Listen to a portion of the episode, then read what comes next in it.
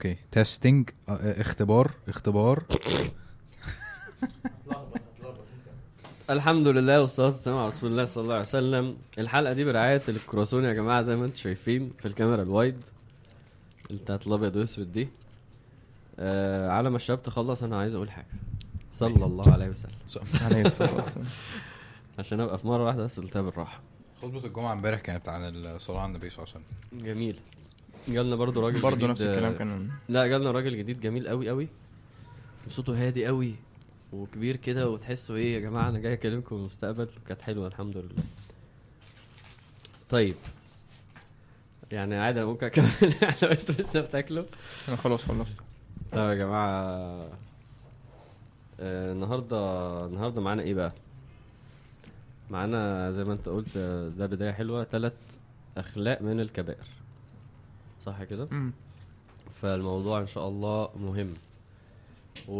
والحلو بقى إنه غالبا يعني نقول إيه غالبا و90% عشان نبقى غالبا 90% بيتفرجوا علينا هيبقى بيمسهم الموضوع ده إن شاء الله يعني يعني ممكن فعلا حلقة ال- الكذب مثلا يعني ممكن في حد بيتفرج ما عندوش مشكلة الغضب إنما النهارده آه عايزين نتكلم على السخرية. والغيبة والنميمة. ومشتقاتها. ومشتقاتها. النميمة بقى والإفك والبهتان وال... بصراحة ويلا بقى. أو عايز أقول حاجة أنا دي مثلا ممكن أول حلقة. آه. أول حلقة من الحلقات وأنا بحضرها. يبقى مكسوف من نفسي.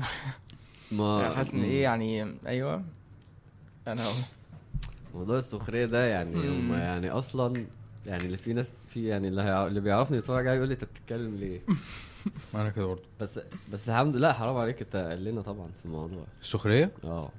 لا لا انت الحمد لله يعني. أنا قال لكم في الموضوع؟ آه آه. أنا رأيي كده يعني. فعلا؟ أقل منكم أنتوا الاثنين في ان, في إن أنا بسخر من الناس؟ صح.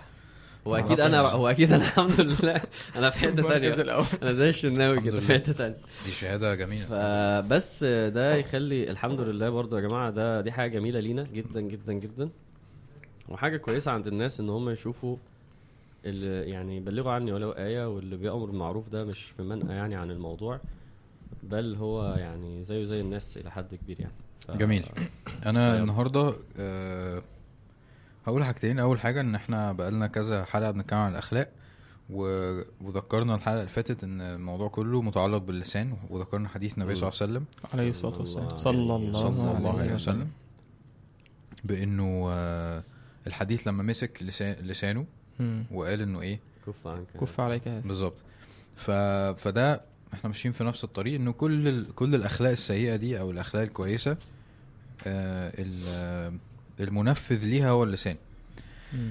أنا النهارده جاي علشان آه أكتشف آه عشان طبعا التذكرة بال... بال- بالغيمة والنميمة. وعشان أكتشف آه لو في حاجات أنا ممكن ما أكونش مجمعها عن الموضوع إنه مثلا ممكن الواحد يكون بيعمل مثلا بيتكلم على ممثلين وهو مش واخد باله إن دي نميمة أو غيبة عارف؟ يكون بيقول حاجة وهو مش واخد باله أصلا إن هي حلو. واقعة تحت الموضوع ده. فجاي افتح دماغي على آه الأنواع المختلفة من الحاجات اللي واقعة تحت نفس العنوان ده. حلو. طيب إحنا نبدأ بما إيه بدأ به الله في, في ترتيب. إيه ده؟ ده ده أنا عملت كده. ماشي. نبدأ معلش يا جماعة التكنولوجيا. ف ففي سورة الحجرات زي ما انت قلت لنا ان هو ربنا بدأ بآية السخرية وبعد كده آية الغيبه لا بقى- يسخر قوم مش آه؟ آه ابدأ بقى يا شريف إحنا أهم حاجة برضو كبداية إن إحنا نبقى فاهمين إحنا بنتكلم عن إيه. التعريف الوصف عشان الدنيا توضح وكل واحد يربط ده بقى آه بنفسه يعني. هو طيب بسم الله والحمد لله والصلاة والسلام على رسول الله. صلى الله عليه وسلم. إيه، زي ما زي ما إحنا قلنا إن إن فكرة السلسلة دي هي الهدف منها إن الإنسان يعني بيرتقي بإيمانه. يعني أنت بترفع الإيمان بتاعك عن طريق إن أنت بتحسن أخلاقك بتربي نفسك. وصراحة أنا بقيت حاسس إن فعلا فعلا موضوع الأخلاق إن الإنسان يبقى عنده سلوك ويزكي نفسه آه، ده ممكن يكون في في المجاهدة يعني بالنسبة لناس كتير أصعب من إن هو يجاهد نفسه في الصلاة أو في الذكر أو في القيام أو في الصيام. يعني ممكن يعمل الحاجات دي.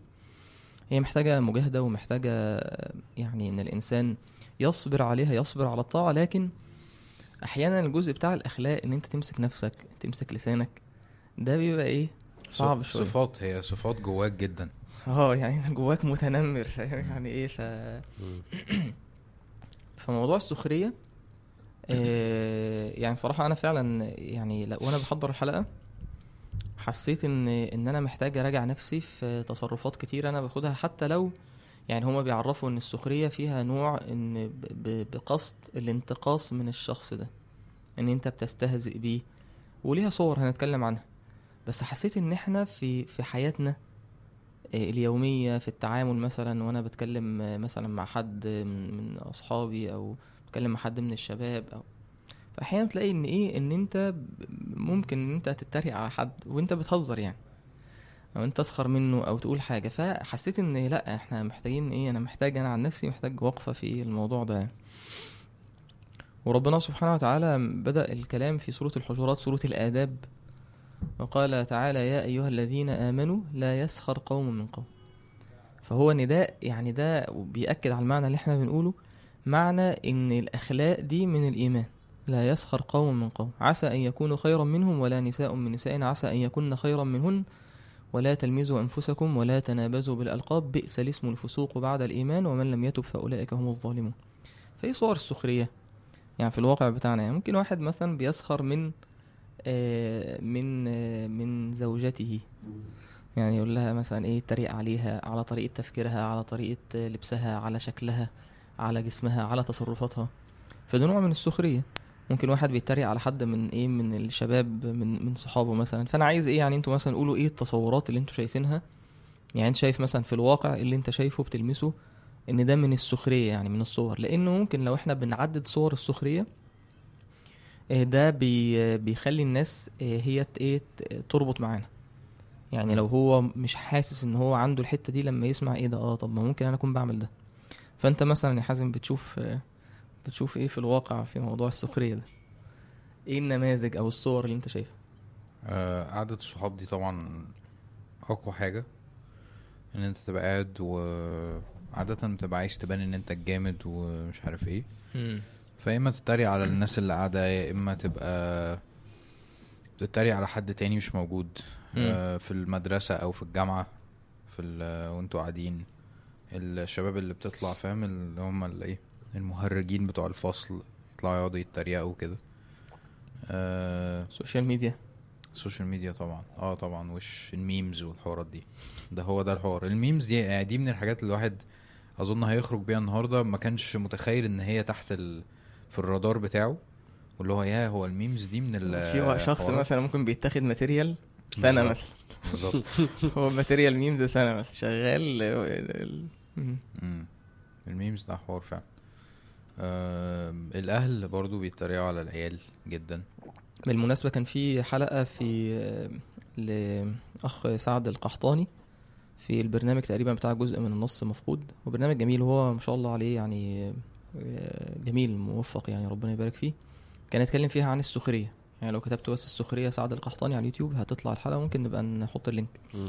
اتكلم عن فكرة فلسفة ال- مم. ال memes دي وال والقصة دي يعني بدايتها إيه وكده يعني مم. حلقة جميلة مم. هو عامة اللي ما يعرفوش يعني ده شخص مهم جدا تتابعوه يعني والميزة إن هو فيديوهاته عنده حاجات قصيرة فبقول للناس يعني عشان ده من الناس الفكرية العالية قوي يعني جميل. قول يا عامر والله آه، بصوا أنتوا غطيتوا الصور بس هو أول حاجة كانت دايما بتيجي آه، كانت بتخليني آه، أبقى هادي شوية في الموضوع ده بمعنى أدي نفسي مساحة ممكن تبقى غلط يعني. هي نفس برضو التصور اللي برضو محتاج يضبط شوية اللي هو إيه، أنا بهرج أنا مش بتريق. وده فعلا موجود عند العلماء إنه إيه هو اصطلاحا يعني شرعا إيه هي السخرية؟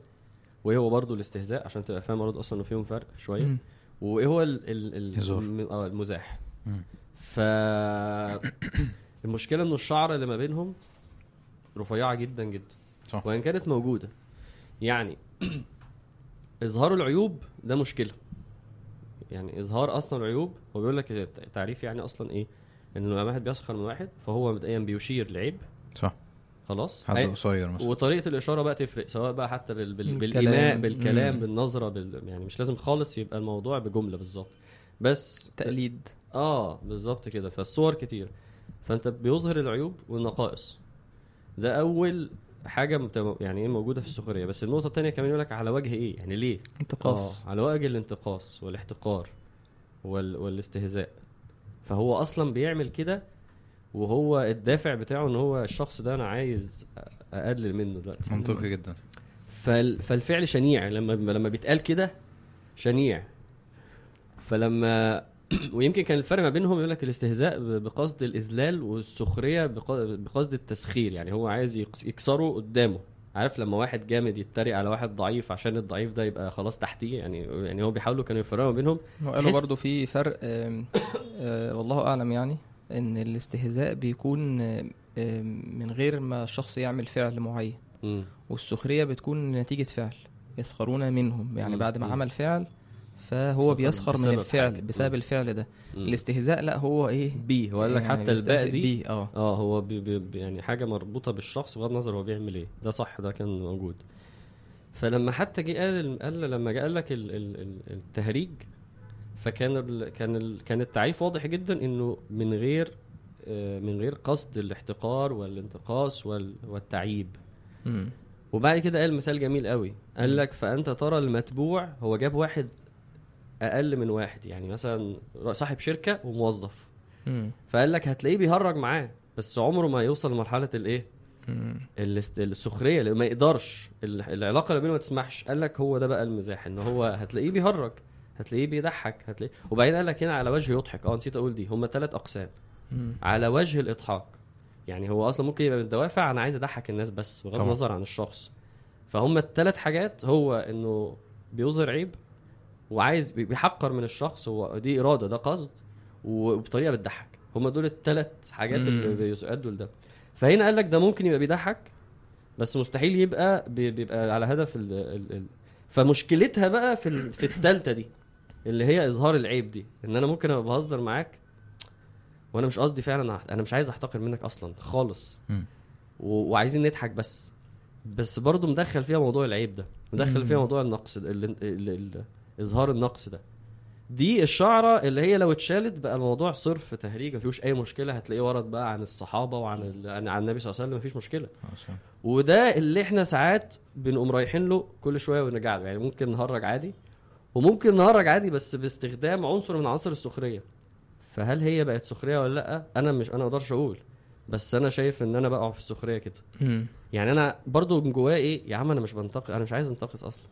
خالص فاهم؟ بس انت كده انت في الآخر انت يعني انت الشكل بتاع التهريج بتاعك فيه مشكلة لازم يتظبط. ده كده ال stand up comedy كلها كده أصلا. ما هو يعني يعني لو هي- جينا لصور هي مبنية أصلا على إن كلها أنت دي على طول. آه. أيوه تعميم. مش لازم يبقى أصل كلها هي هو اللي بيميز بتوع ال stand up comedy إن هم بيشتغلوا على العيوب أصلا. في material؟ كده بس مش كلها يعني. اللي أنا بشوفها عامة يعني. ماشي. ماشي بس يعني أنا قصدي بس عشان ما نبقاش قفلنا مجال كده فجأة يعني بس أنا وأنا مش مهتم بصراحة غالبا الأجانب يعني وأنا مش مش مش مشكلة هو قوي. إحنا ممكن إن إحنا برضو في مرة من المرات آه، نبقى إيه نتكلم عن ال- ال- المزاح والصور بتاعته صح. ون- ون- والأمثلة من صح. سنة النبي عليه الصلاة والسلام وأظن إن ممكن الناس اللي بتسمع هو هو مفرق التفريق ده يعني هو آه. عارف وعارف إن أنت في حتة معينة لأ دي إيه دي آه. م- انت كده ده مش هزار يعني هي إيه محتاجة بس إيه يعني انسان يتفقد في في النية في ال- في القصد شوية كده يعني آه بص أنا بس عشان أأكد على ده لو أنا حد بعد كده قال لي أنا بهرج هقول له أهم حاجة إنه التهريج ده اولا ما يبقاش فيه القصد اللي هو بيقول لي بسبب بيقول لي أنا بهجر بهرج عشان قصدي أنا مش بحتقر ولا بهين. ولا بس أهم حاجة عندي ال- العنصر بتاع ذكر العيوب ده هو برضو اللي تحاول تشيله لو ده شيلته يبقى أنت بتهرج خلاص عندكش لو. زعل طبعا يعني الشخص اللي هو اللي انت بت... ان انت بتسخر منه أو بتتريق عليه وتقول أنا بهزر يعني انت ممكن مثلا حد آه، بيتريق مثلا على آه، على طريقة كلام واحد أو على مثلا طريقة تفكير مثلا. زوجته مثلا أو العكس أو إن زوجة مثلا مش عاجبها مثلا طريقة لبسه مثلا أو. بت... أنت يعني إيه اللي انت بتقوله ده أو حد بي... مش عاجبه طريقة كلام أمه أو أبوه. ف... فالمعيار هنا إيه إحنا هنرجع هو الش... هو يقول لك. يقول لك انت بتتريق مني انت بتتريق عليا انت بتسخر مني. فاقول له لا أنا بهزر عادي. لا ما هو بهزر دي ما دام وصل الموضوع للشخص التاني ان هو زعل وان هو اتضايق يبقى دي يبقى دي فيها مشكلة. طب هي مشكلة المعيار ده. يعني هل هل العادي ان أنا لما حد بيتريق عليا وبزعل بقول له ولا ولا بوصل له؟ لا طبعا. ما بيحصلش. لا طبعا. كتير. هو نفسه الشخص اللي بيقول كده انت يعني اي حد في كل مرة يقول لك حاجة تبقى له على فكرة دي ضايقتني إحنا عمرنا ما عملنا كده. دي حقيقة. الواحد بي بيتكسف أصلا بالعكس صح. ده ده ده لو عملنا كده هنبقى الموضوع خلاص هيتحل. هتعرف كل مرة أنت قلت إيه مين زعل. بس أنت إحنا لو عملت كده. هيتريق عليك أكتر أصلا. ده دي مادة صح للسخرية. إنما فعلا ده معيار مهم ومشكلته إنه مش ظاهر. فاللي ظاهر بالنسبة لي حاليا إن أنت لو ما أظهرت لو ما اتكلمتش بإنك بتظهر عيب ونقص وطبعا ما عندكش القصد يبقى خلاص أنت في السليم. لو دخلت في دي أنت في شبهة. انت في شبهة والله أعلم هي حقيقتها إيه. أنا بقول انت في شبهة يعني أنا مش عارف أحكم عليها مم. وبينها امور مشتبهات. أنا مش عارف أفسر بس بس غالبا هتوقعك فيها طبعا. مم. طيب ف- خليني خلينا نشوف كده ال- الصور تاني. يعني آه. قلنا أول صورة من صور السخرية. دي صورة واضحة. هي السخرية من الدين. ودي طبعا. دي في الغالب يعني يعني في الغالب هو يعني مش هيبقى مؤمن يعني. يعني في الغالب هيبقى ده شخص في قلبه مرض أو هو شخص آه، بس ممكن هو مسلم ماشي يعني مش آه، مش مش من مش دلوقتي مش بنتكلم في الاصطلاح يعني لكن انت بتقول انت بتقول مش مؤمن هو قصده يعني ملحد. هو قصده اللي بيسخر بقى برسومات عن النبي صلى الله عليه وسلم يسخر يسخر من بالدين من- يسخر من الدين. ربنا يسخر آه. من النبي عليه الصلاة والسلام يسخر من التشريعات ده فده موجود ده موجود في آه. الغالب في الغالب ممكن يكون واحد ملحد أو شخص مثلا منافق أو شخص آه، أو آه، مسلم ماشي خلينا الم... يعني أيوه إيه؟ طبعا يعني أيوة ما هو طبعاً. مسلم بقصد السخرية من الله ورسوله ده ده مش يعني اللي بيتريقوا على المنتخبات لا لا, ده- دي النقطه الثانية ده اللي أنا مش داخل من عليها الدين. آه فهمت قصدك دي النقطه اللي أنا داخل عليها هو بيتكلم على بيتكلم عن إن حد والنبي صلى الله عليه وسلم يسخر من آه، من ماشي. ذات الله سبحانه وتعالى ويسخر من النبي عليه الصلاة والسلام أو من فعل النبي عليه الصلاة والسلام عمله أو من كلام من آية أو من حديث مم، مم. فده لا يجتمع مع الإيمان مم. يعني التوقير والتعظيم وال... والإيمان والاحترام بيقتضي إن الإنسان يعني ده أكيد أيوة، أمر أيوة، واضح أيوة. يعني أنت قصدك على الثانية اللي هو قصده عليها اللي هو مثلا الأمثلة اللي جت في القرآن يا حازم في مثلا زي قصة سيدنا نوح مثلا مم. ويصنع الفلك وكلما مر عليه ملأ من قومه سخروا منه مم. يعني أنت بقى أنت مجنون آه آه أنت آه ساحر أنت كاهن أنت كذاب آه. فطريقة السخرية والاستهزاء لما ربنا سبحانه وتعالى قال إن الذين أجرموا أيوة. كانوا من الذين آمنوا يضحكون وإذا مروا بهم يتغامزون وإذا انقلبوا إلى أهلهم انقلبوا فكهين مم. وإذا رأوهم قالوا إن هؤلاء لضالون فكل دي إيه؟ سخرية آه.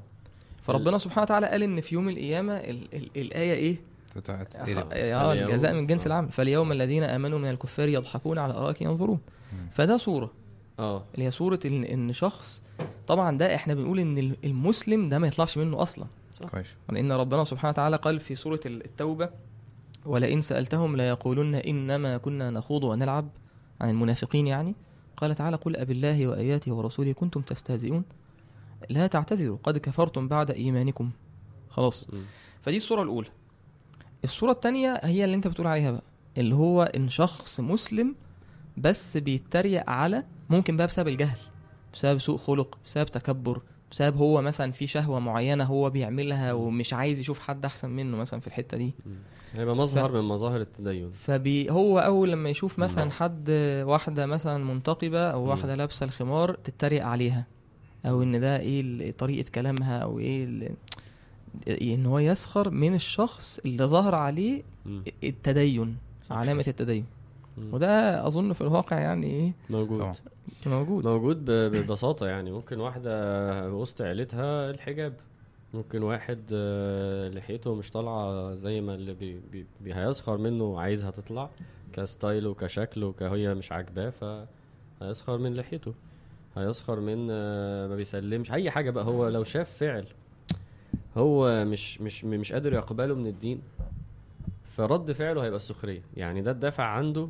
أنا رافض الفقه ده. اللي رافض الح... هو ممكن يبقى برضو إيه جواه الشماعة بتاعت لا ربنا ما أمرش بده فهو إيه موضوعه جهل وهوى وكده بس السخرية بقت هي رد فعله على رفضه للمظهر ده عشان ما يقدرش يرفضه كده مباشرة آه، فلازم طبعاً. هو يعني. مش عايز يقول صراحة كده زي ما انت بتقول أنا مش عاجبني السنة دي. أنا هو حكم مش- اللحية ده ما بحبوش آه مثلا ومش هيقدر يقول كده إنما هو يعني آه، لو أنت فصصت الكلام بتاعه هو أنت بتسخر من الشخص نفسه علشان هو بقى مثلا بقى ملتحي أو عشان هو بيصلي أو عشان هو مش عايز يسلم أو عشان هو مثلا يقول لك أنا مش هاجي مثلا الفرح ده فيتعمل له بقى مجلس في العيلة بقى.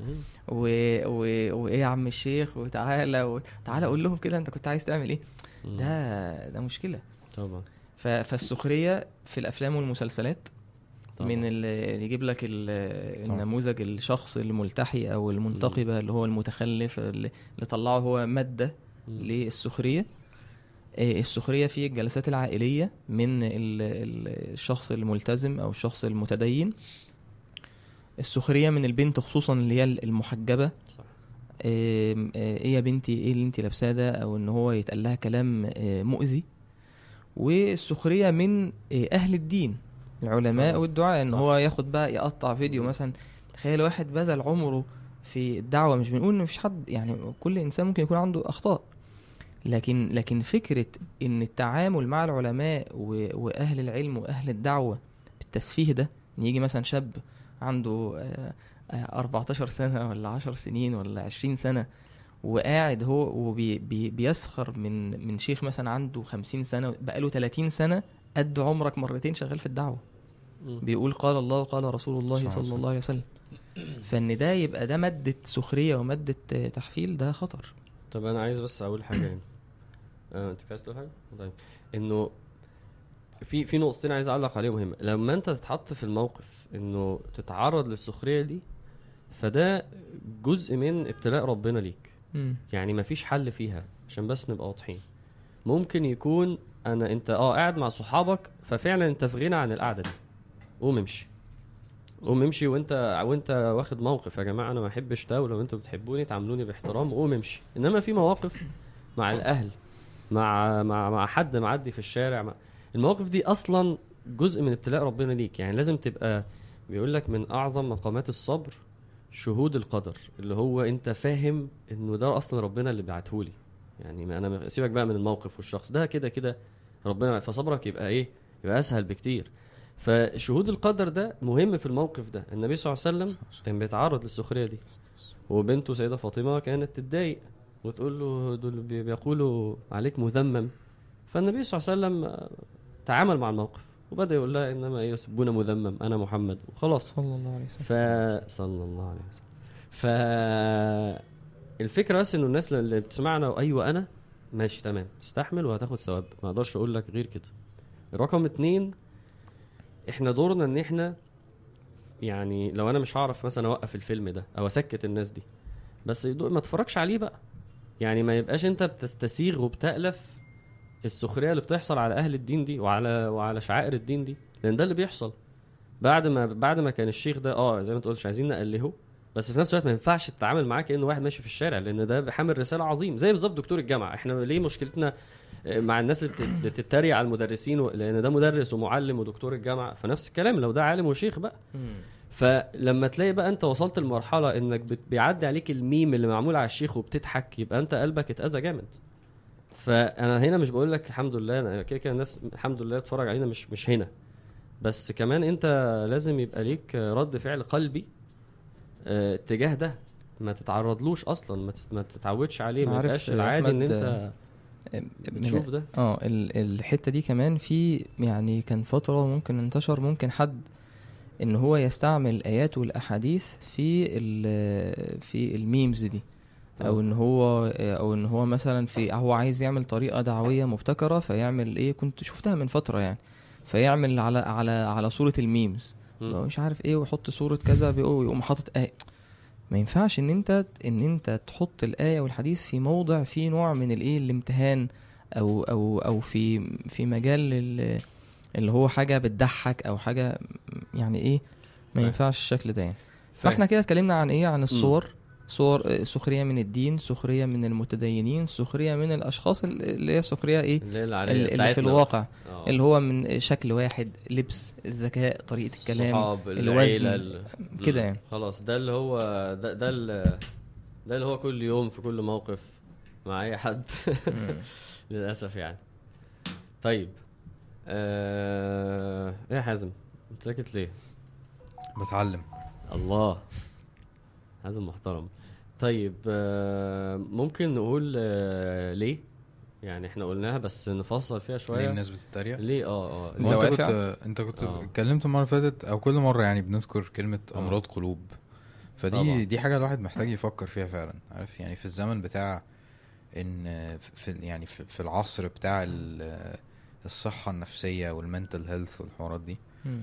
لو هناخد حاجة إيجابية منها هي إن الواحد فعلا يحاول يشوف إيه اللي بيحركه لده إيه اللي بيخليه يتريق يعني أنت حاسس مثلا مثلا مش قصدي هو ده كل الحوار يعني بالنقص في حاجة فعايز تعلم على حد تاني عشان تاخد شوية إيه تحس إن أنت أحسن شوية.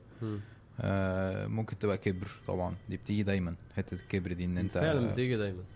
شايف أنت. أحسن من الناس ومش عارف إيه آه السخرية برضو بتبقى يعني مش عارف هي إيه بالعربي بس defense mechanism اللي هو أسلوب دفاع. إن أنت مخبي حاجة آه، خايف من حاجة مش عارف إيه. فعايز تعمل لنفسك عايز تعمل حواليك كده إطار كده ما تدخلش الناس. فأول ما تلاقي حد داخل بتتريق عليه أنت مش عايز حد يخش. أنت فاهم الحتة دي أكيد. يعني شريف مش فاهمها يعني. بس قصد وضحها كده؟ أنا يعني- فا... أنا حاسسها يعني آه. آه. آه. يعني اتغدى بيك قبل ما اتعشى بيا يعني. مثلا. يعني ممكن واحد يبقى عقله الباطن بيحركه كده يعني. يعني هو من أساليب القوة اللي هو بيعمل بيها إيه، دفاع. حواجز آه، دفاعية بينه وبين الناس إن هو يتريق على الناس. آه. فهو هو بيعمل كده إيه زي إيه رهبة كده حواليه إن أنت مش هينفع إن أنت تدخل معايا عشان أنا على طول أنا إيه. بالظبط. ده عاد- عادة الشخص ده على فكرة بيبقى يعني هو مثلا ما بيعرفش يكون علاقات كويس. آه مثلا ممكن يبقى بيتكسف ماشي؟ يعني ممكن يبقى عنده عنده مشاكل شخصية هو مش عايز يحتك بالناس بيها مش عايز الناس تقرب له بالقدر ده عارف؟ آه عميق قوي المعنى ده. آه في واحد بيحب بيستمتع يعني. هو هو بالنسبة له يعني هو السخرية من الناس هو شايف إن هي وسيلة للمتعة. للضحك. للضحك فعلا. أصلا أصلا أنا كان عندي الحوار بتاع ال defense mechanism ده. آه. لأن أنا كنت آه، يعني لما أنت تيجي من مكان يعني أنا مثلا آه، وأنا في كندا بيت كان بيتقال لي إن أنا آه، الأجنبي عشان آه. أنا المصري بقى. جيت هنا برضو أنا الإيه؟ الأجنبي. فاهم؟ ف ف ف فدي كانت مادة سخرية كبيرة جدا جدا. يعني الناس كانت بتتريق عليا جامد جدا في الحوار ده. فأنا كونت ال- ال- المهارة بتاعت إن أنا آه، أطرقع للناس قبل ما حاجة تحصل فاهم؟ مهارة.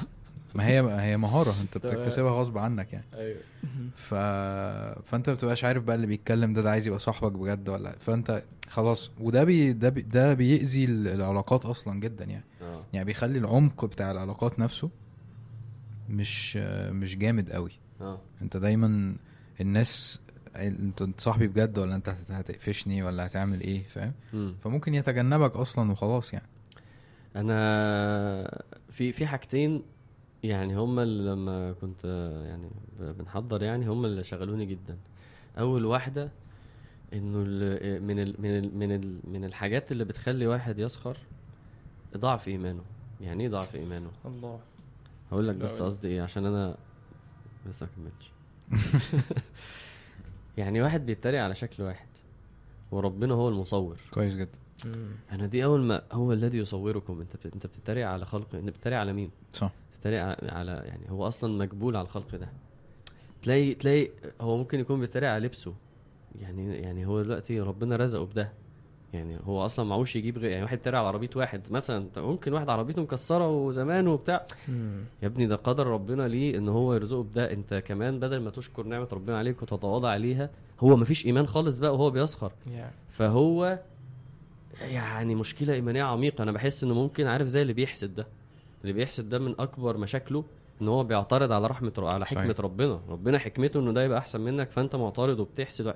فده مشكلة إيمانية ضخمة. فهنا أنا حسيت بيها جدا. اللي بيسخر ده عنده أصلا عنده لسه قاعدة عنده لسه واقفه مع ربنا. أنت ليه بتسخر على الحاجات اللي أنا اللي أنا عملتها واللي أنا اديتها؟ فدي. بصراحة هزتني جدا. اللي اللي فعلا بقى هيسخر بقصد الانتقاص والاحتقار. لا انت هتقف لسه قدام ربنا ويسألك أنا اللي خلقته كده انت مالك؟ مم. فدي دي بصراحة يعني هزتني جدا جدا جدا. حلو. أنا متأكد طبعا يعني ده أكيد صح. سبحان أكيد الله. صح. هو ك- يعني كده كده الإيمان بيعالج كل حاجة بس آه، إن إحنا فعلا نشوف ده آه، عمق الموضوع من الحتة دي رهيبة ده بصراحة. ضروري الصراحة. فعلا شدتني قوي لما حد قال هو الذي يصوركم واللي بيسخر ده. يسخر من إيه بالظبط؟ وضي ضيف على دي فكرة إن أنت بتعمل ذنب فحتى لو انت مش فاهم البعد ان انت آه، ال- البعد الإيماني بتاعها فانت بتذنب فانت أكيد لما تيجي تتكلم بالطريقة دي على حد لو انت مؤمن كفاية آه، هيجي لذهنك ان انت طب انت بتعمل ذنب دلوقتي. فده بعد تاني لموضوع الإيمان.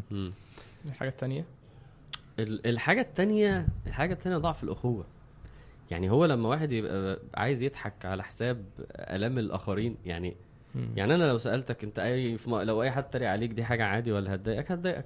فهو دلوقتي بقى عارف الطبيعي بتاعه إنه عارف لو سألت سؤال ده هيجاوب عليه الطريقة دي بتضايق بتضايق؟ طب الشخص اللي قدامك مش مهم المهم أنا. في ضعف. أخوة رهيب لما الناس صدق في الاخوه آه بجد. هو أنا قاعد معاك عشان آخد مصلحة والمصلحة بقى بقت إيه؟ إن أنا أتلذذ على حساب إن أنت تتضايق. صح. فمفيش أخوة خالص. الأفلام الأجنبية يعني كتير جدا منها مبني على فكرة البولينج والتنمر والمش. عارف إيه والكلام ده. ده الأفلام بتاع ال high school والكلام ده. إن. أنت عيل صغير سبايدر مان مثلا ما هو كان بيتريقوا عليه في المدرسة وبيضربوه ومش عارف إيه. وبعد كده بقى سبايدر مان وبقى بيعلم عليهم والحوارات دي. ف... فالبعد برضو بتاع بتاع الأذية ده. آه، ده فعلا بيدمر آه، بيدمر الناس بيدمر الشخصيات بيدمر المستقبل. بيعمل أمراض نفسية بالهبل يعني دي يعني ده مجال كامل يعني اندستري كاملة الناس شغالة عليها موضوع التنمر واثاره والكلام ده يعني إحنا عايزين دلوقتي نتكلم عن ال- الأثر أثر السخرية مم. على على الناس الأثر طب الدنيوي آه، ممكن نلخص الدوافع. إحنا أنت قلت التكبر عشان بس الناس برضو. أنا حاسس إن هي اتقالت جوه بعض ف مم.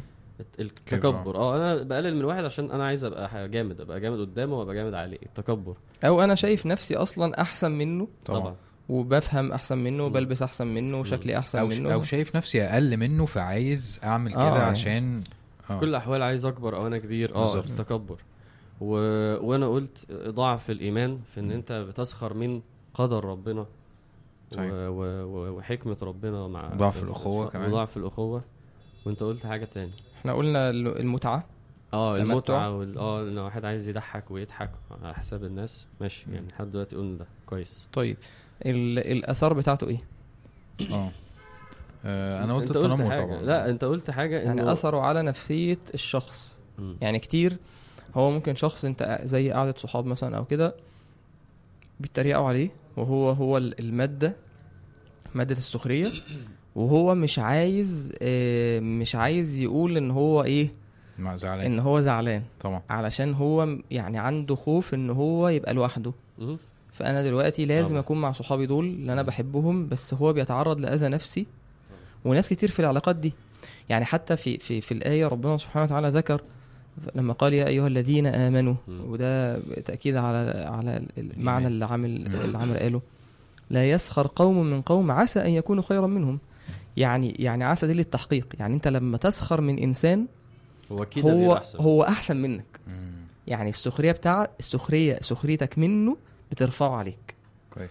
ولا نساء من نساء. طب ما هو ال- القوم دي يدخل فيها إيه؟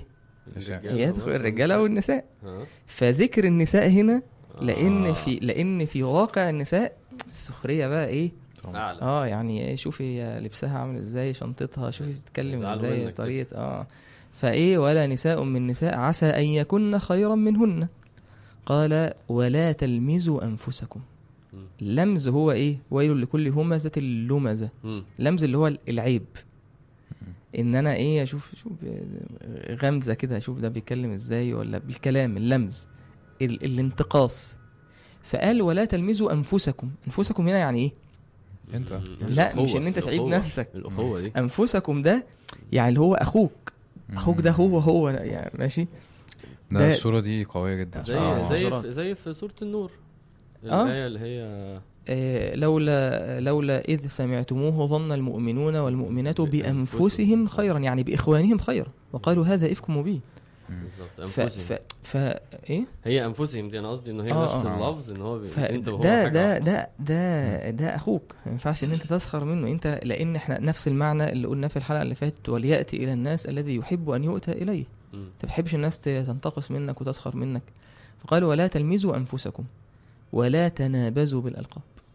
اللي هو ده المنتشر بقى. اللي هو. تعالى وانت عارف ان اللقب اللي انت فلان إحنا من النهارده خلاص هو عمل موقف في حتة خلاص هنسميك النهارده كذا.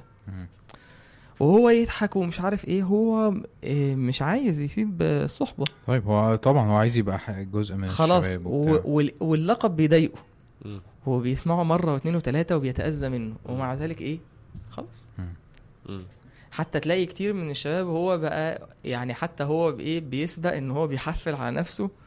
علشان طبعا. إيه طبعا عشان يحس إن هو آه خلاص يعني هو بقى بي... أنا أنا قلت لكم حاجة وسيبوني بقى فخلاص يعني آه وبعدين بعدين اللي هيحصل إيه أنت دلوقتي لو لو لو أنا اتعرضت للموقف ده هو يا إما أنا أتصرف بشكل صحي اللي هو مش هيحصل اللي هو يا جماعة أنا زعلت خلاص يا ما تزعلش خلاص يا جماعة أو يا إما يا إما أنا لا ده لو أنا- عرفوا إن أنت زعلت آه. خلاص هتبقى ما أنا بقول لك يا إما نعيش في اللا لاند دي يا إما أنا أنا لسه لازم يبقى ليا رد فعل.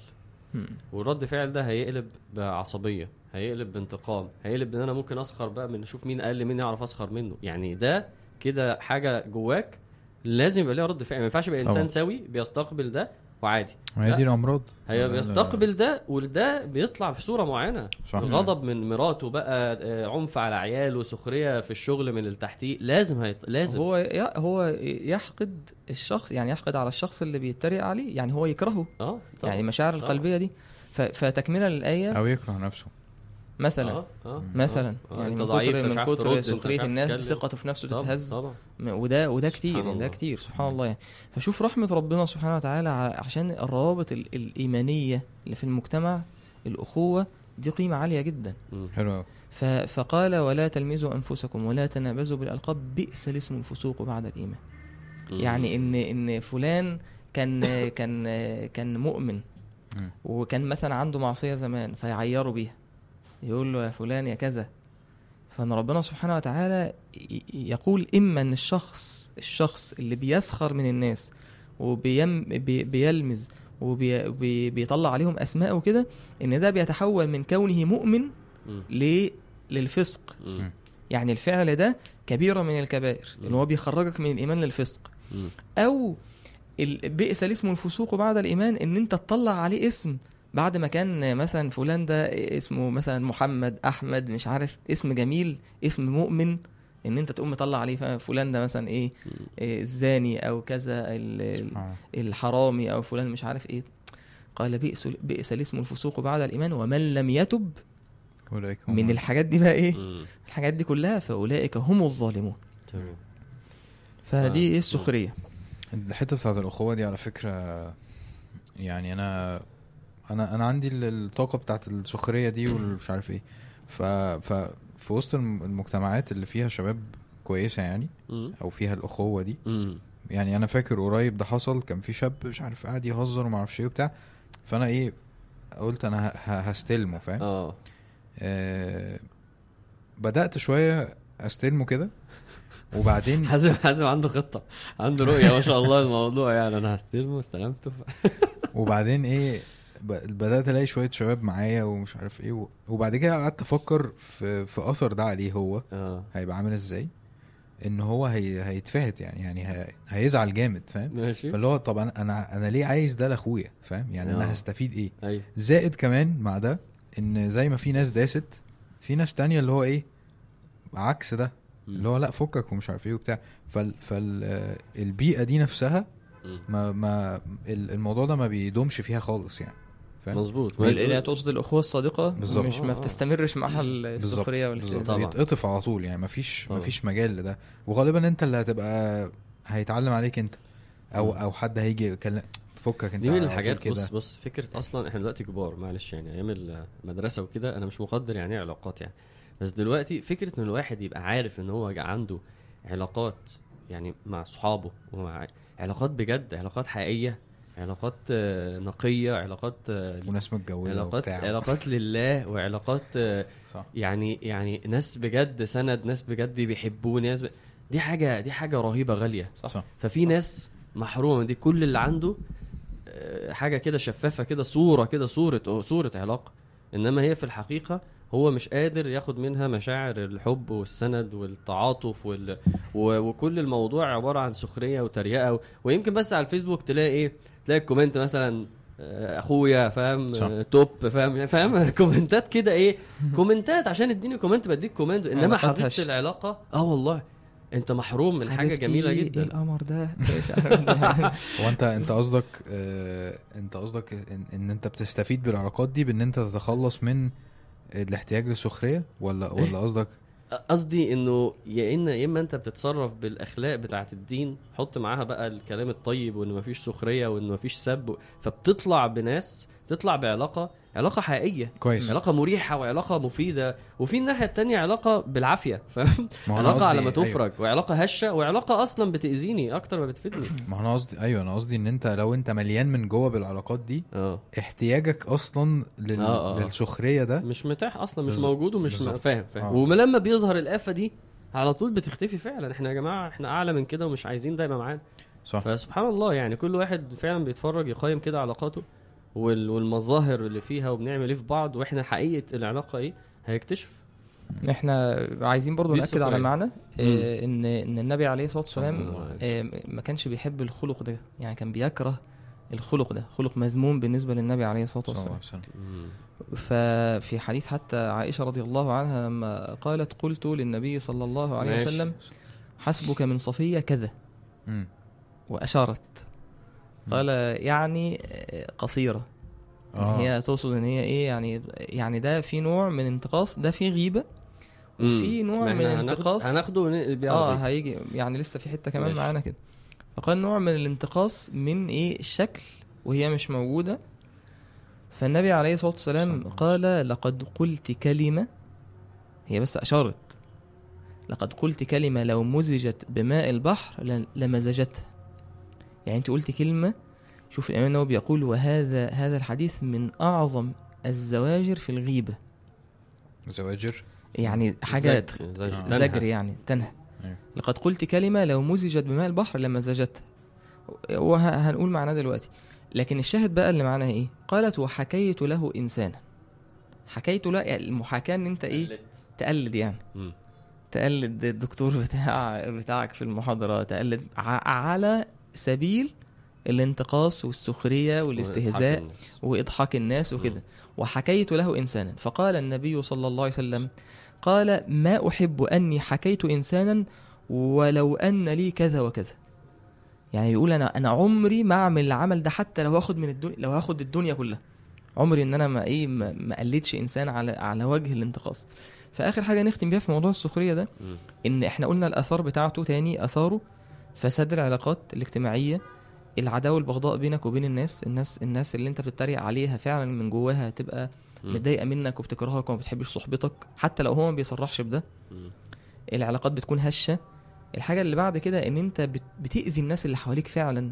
وبتهز الثقة في بت- بتهز ثقتهم في في أنفسهم الحاجة اللي بعد كده إن سبحان الله ممكن إنسان يبتلى بالحاجة اللي هو بيتريق عليها دي يعني. كان يقول قال قال إبراهيم النخعي رحمه الله إني لا أرى الشيء اكرهه فما يمنعني أن أتكلم فيه إلا مخافة أن أن أبتلى بمثله. يعني هو يشوف حاجة بس أنا إيه مم. يعني أبقى خايف إن أنا أتكلم أعيب على حد في حاجة فربنا سبحانه وتعالى يبتلي وده سبحان الله موجود يعني يعني أنت تتريق على مثلا طريقة كلام شخص أو إن حد بيعمل حاجة معينة ف... فسبحان الله العيب ده العيب ده الإنسان يبتلى بيه. والنبي عليه الصلاة والسلام حذرنا إن إحنا نحتقر الناس بحسب امرئ من الشر أن يحقر أخاه المسلم فده إيه ده يعني آه، آه كلام إحنا كده عن السخرية يعني بما إنك ذكرت حديث بتاع السيدة عائشة فبرضه هو إيه الفرق بين الغيبة والسخرية؟ مم. يعني أنت رأيك إيه؟ آه، لو هتكلم على رأيي من من اللي أنا فاهمه لا يعني السخرية مش لازم يبقى فيها غيبة يعني أنت ممكن تسخر من حد قدامك. صح. مم. بس الغيبة دي بتستدعي إن أنت تتكلم على حد مش موجود مثلا؟ وممكن يبقى فيها سخرية. ممكن يبقى فيها سخرية. صح. بالظبط كده. أصل هي ممكن يبقى في الآخر في واحد بيعمل الاتنين في واحد بيغتاب ويسخر. بس هو ده قصدي. يعني إحنا الغيبة النبي صلى الله عليه وسلم لما وصفها قال ذكر أخاك بما يكره. صلى الله عليه وسلم. صلى الله عليه وسلم. أيوه عادي كده كده كده عادي. الغيبة ذكر أخاك بما يكره. ده ده الوصف النبي صلى الله عليه وسلم قاله. ذكر أخاك بما يكره. غايب أو حاضر؟ هو لا هو مش الغيبة هو مش آه، موجود. في غيابه وفي يعني. غيابه. تمام. ذكر أخاك بما يكره. وده طبعا على على اعتبار زي ما الصحابة قالوا يعني ارايت إن كان فيه هو أصلا بيتكلم على حاجة فيه. كويس. يعني ده لو مش فيه دي حاجة تالتة بقى ممكن نقولها كمان شوية. كويس. فإن كان فيه فقد اغتبته. فإحنا بنتكلم على واحد. بيقول حاجة على حد؟ الحد ده لو سمعها هيتضايق. يكره ده. حلو. فممكن أنا أجي أقول حاجة ممكن أقول مثلا حازم حازم بيتأخر على المواعيد بشكل فظيع ويعني يعني بجد شخص مش مش ملتزم خالص وما بيراعيش الناس مثلا مم. دي دي غيبة لو في غيابك وأنت مد... وأنت تتضايق إن أنا قلت حاجة زي دي إنما ممكن بقى الواحد بيعمل اتنين في واحد. إنه حازم مش موجود وأنا بغتابه بس بسخر في يعني في صورة. الغيبة دي. فدي بقى المشكلة بقى بقلده العظمى بقى. آه أنا أقول الواد, حازم ده يا جدعان كان لابس تيشيرت وهو مش موجود بقى. وهيجي دلوقتي ماسك الشنطة نفس السخرية. إيه. يعني سبحان الله أنا بس بقول إزاي الشيطان يا جماعة يعني بجد فعلا يعني بي- بيعرف بيعرف يضل. حاجات مركبة جدا. أيوه يديك ذنب كبيرتين في واحد. مم. تبقى قعدت كده كبيرتين في واحد. ف... فعايزين بس إن إحنا بعد ما فرقنا دي نتكلم شوية على الغيبة. عشان إحنا لازم نخلي بالنا من دي ودي. فما فما بالك بالك عايز بالاتنين. نقول في الحديث اللي أنت مم. قلته نقطة مهمة. لأن النبي عليه الصلاة والسلام لما قال للصحابة أتدرون ما الغيبة؟ قالوا الله ورسوله أعلم. قال ذكرك أخاك بما يكره. فإن يعني إيه الضابط بتاع الغيبة مش عندك أنت. أيوه.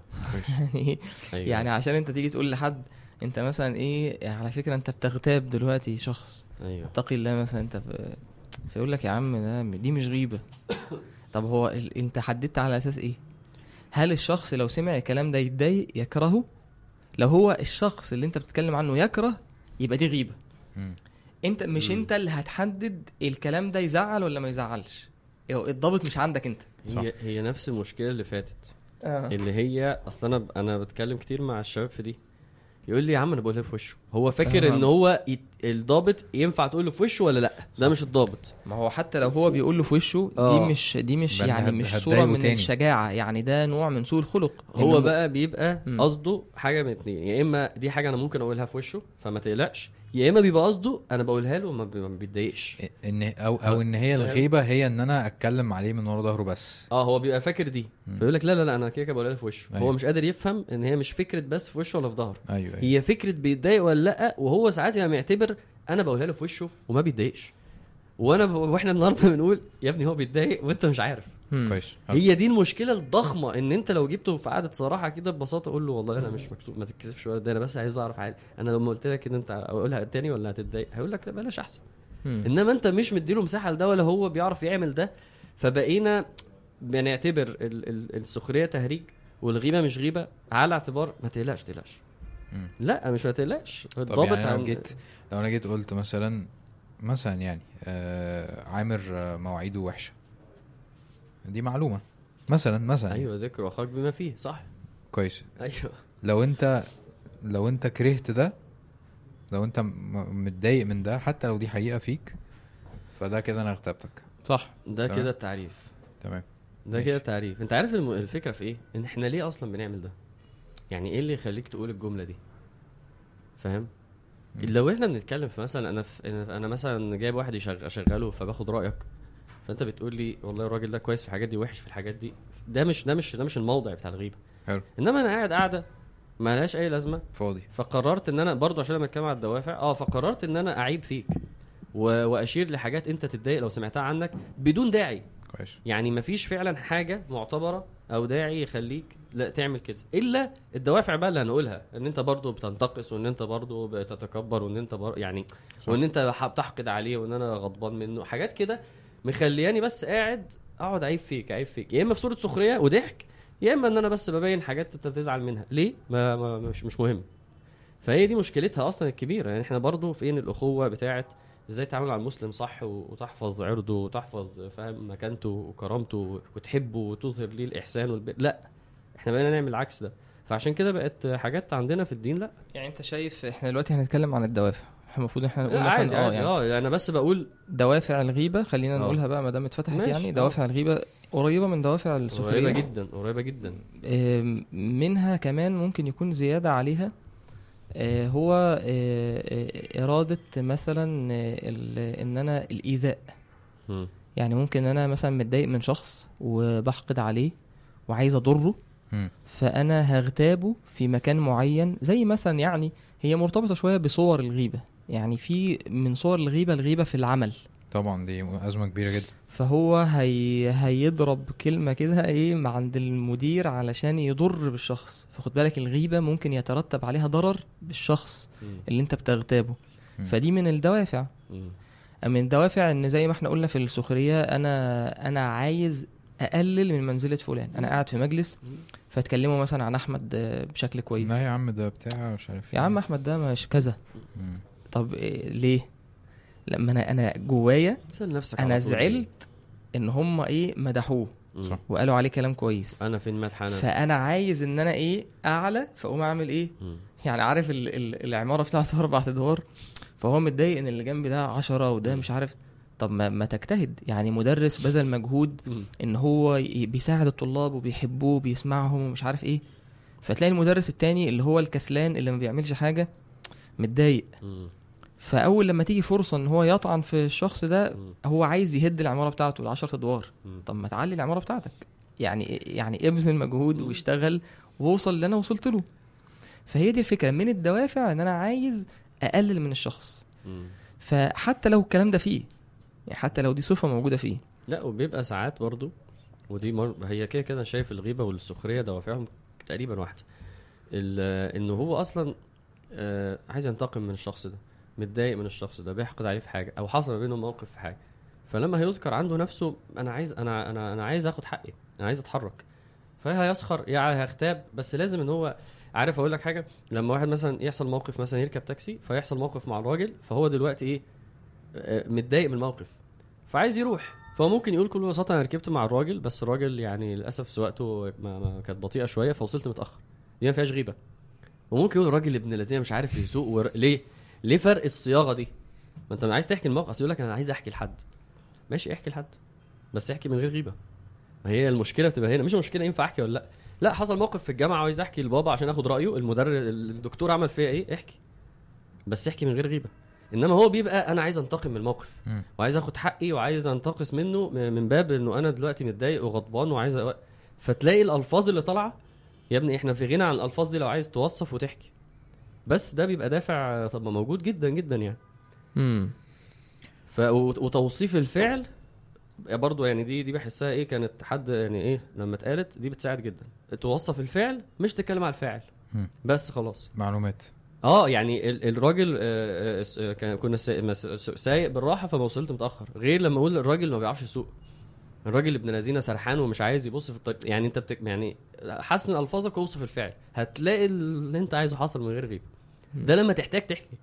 مم. أنا بتكلم على موقف أنا محتاج أحكي. مش إحنا قاعدين في قعده و... ما هي فكرة قاعدة نشرح فاهم؟ هي فكرة قاعدة أنا حاسس ان إن ال- الفراغ مم. بيجيب غيبة طبعا. الرغي الكلام الكتير بيجيب غيبة. صح صح. ف... في أحيانا مجاملة يعني. أنا بس عايز أجاري الناس في الكلام وأجاملهم. فعلا والله. أيوه أيوه. فهو بيجامل فقال يوجب معاهم في إيه؟ فأنا أحكي لكم موقف مثلا إيه كده يعني.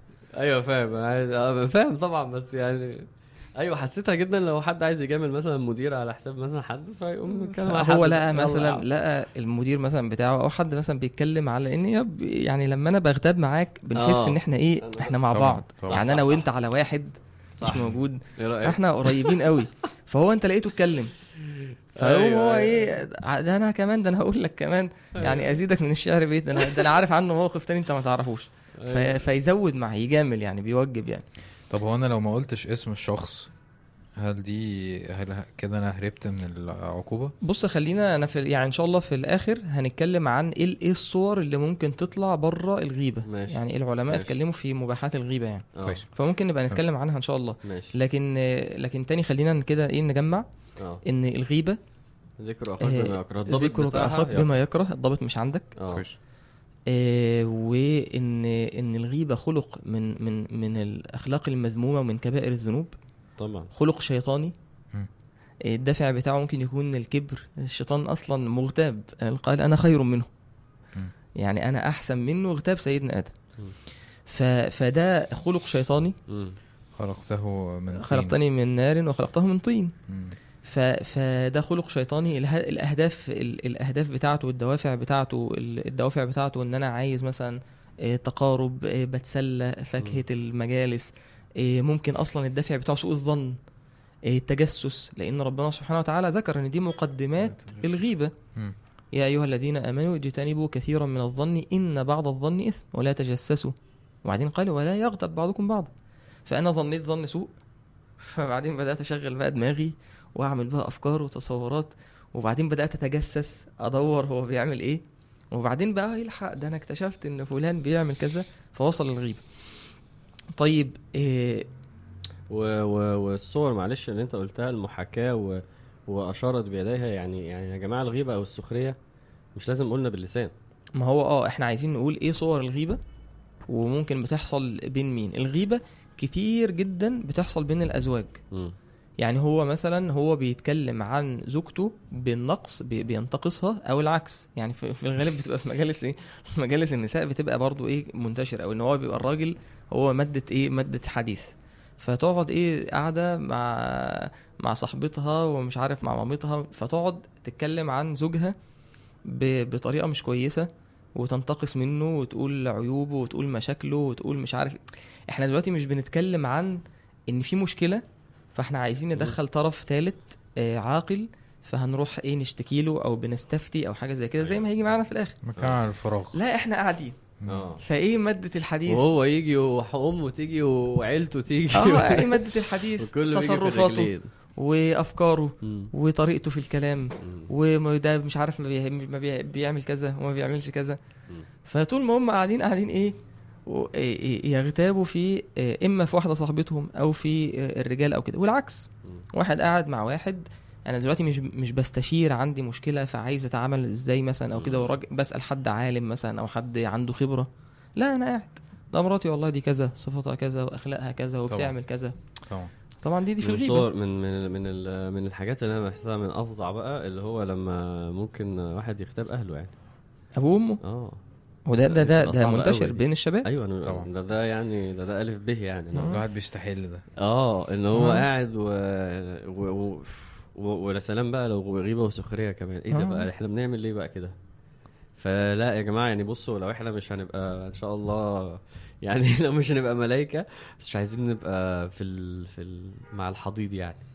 فعايزين نخلي بالنا قوي من الصور الصور دي يعني إحنا قلنا الصور آه. بين في الشغل مثلا آه. قلنا صور بين الأصحاب في آه. المجالس آه. بنات البنات وفي الولاد مع الأهل مع ومع الأزواج. الأهل مع الأزواج وماشي أنا بقى بتكلم على فكرة لما ربنا قال ويل لكل همزة لمزة إن هو يعني الغيبة أنا ممكن أقول هو أنا بس لو لو بشاور لحازم بكوعي كده وبعمل له كده خلاص كده هي وصلت يعني مش لازم الجملة تتقال بفعل وفاعل؟ و...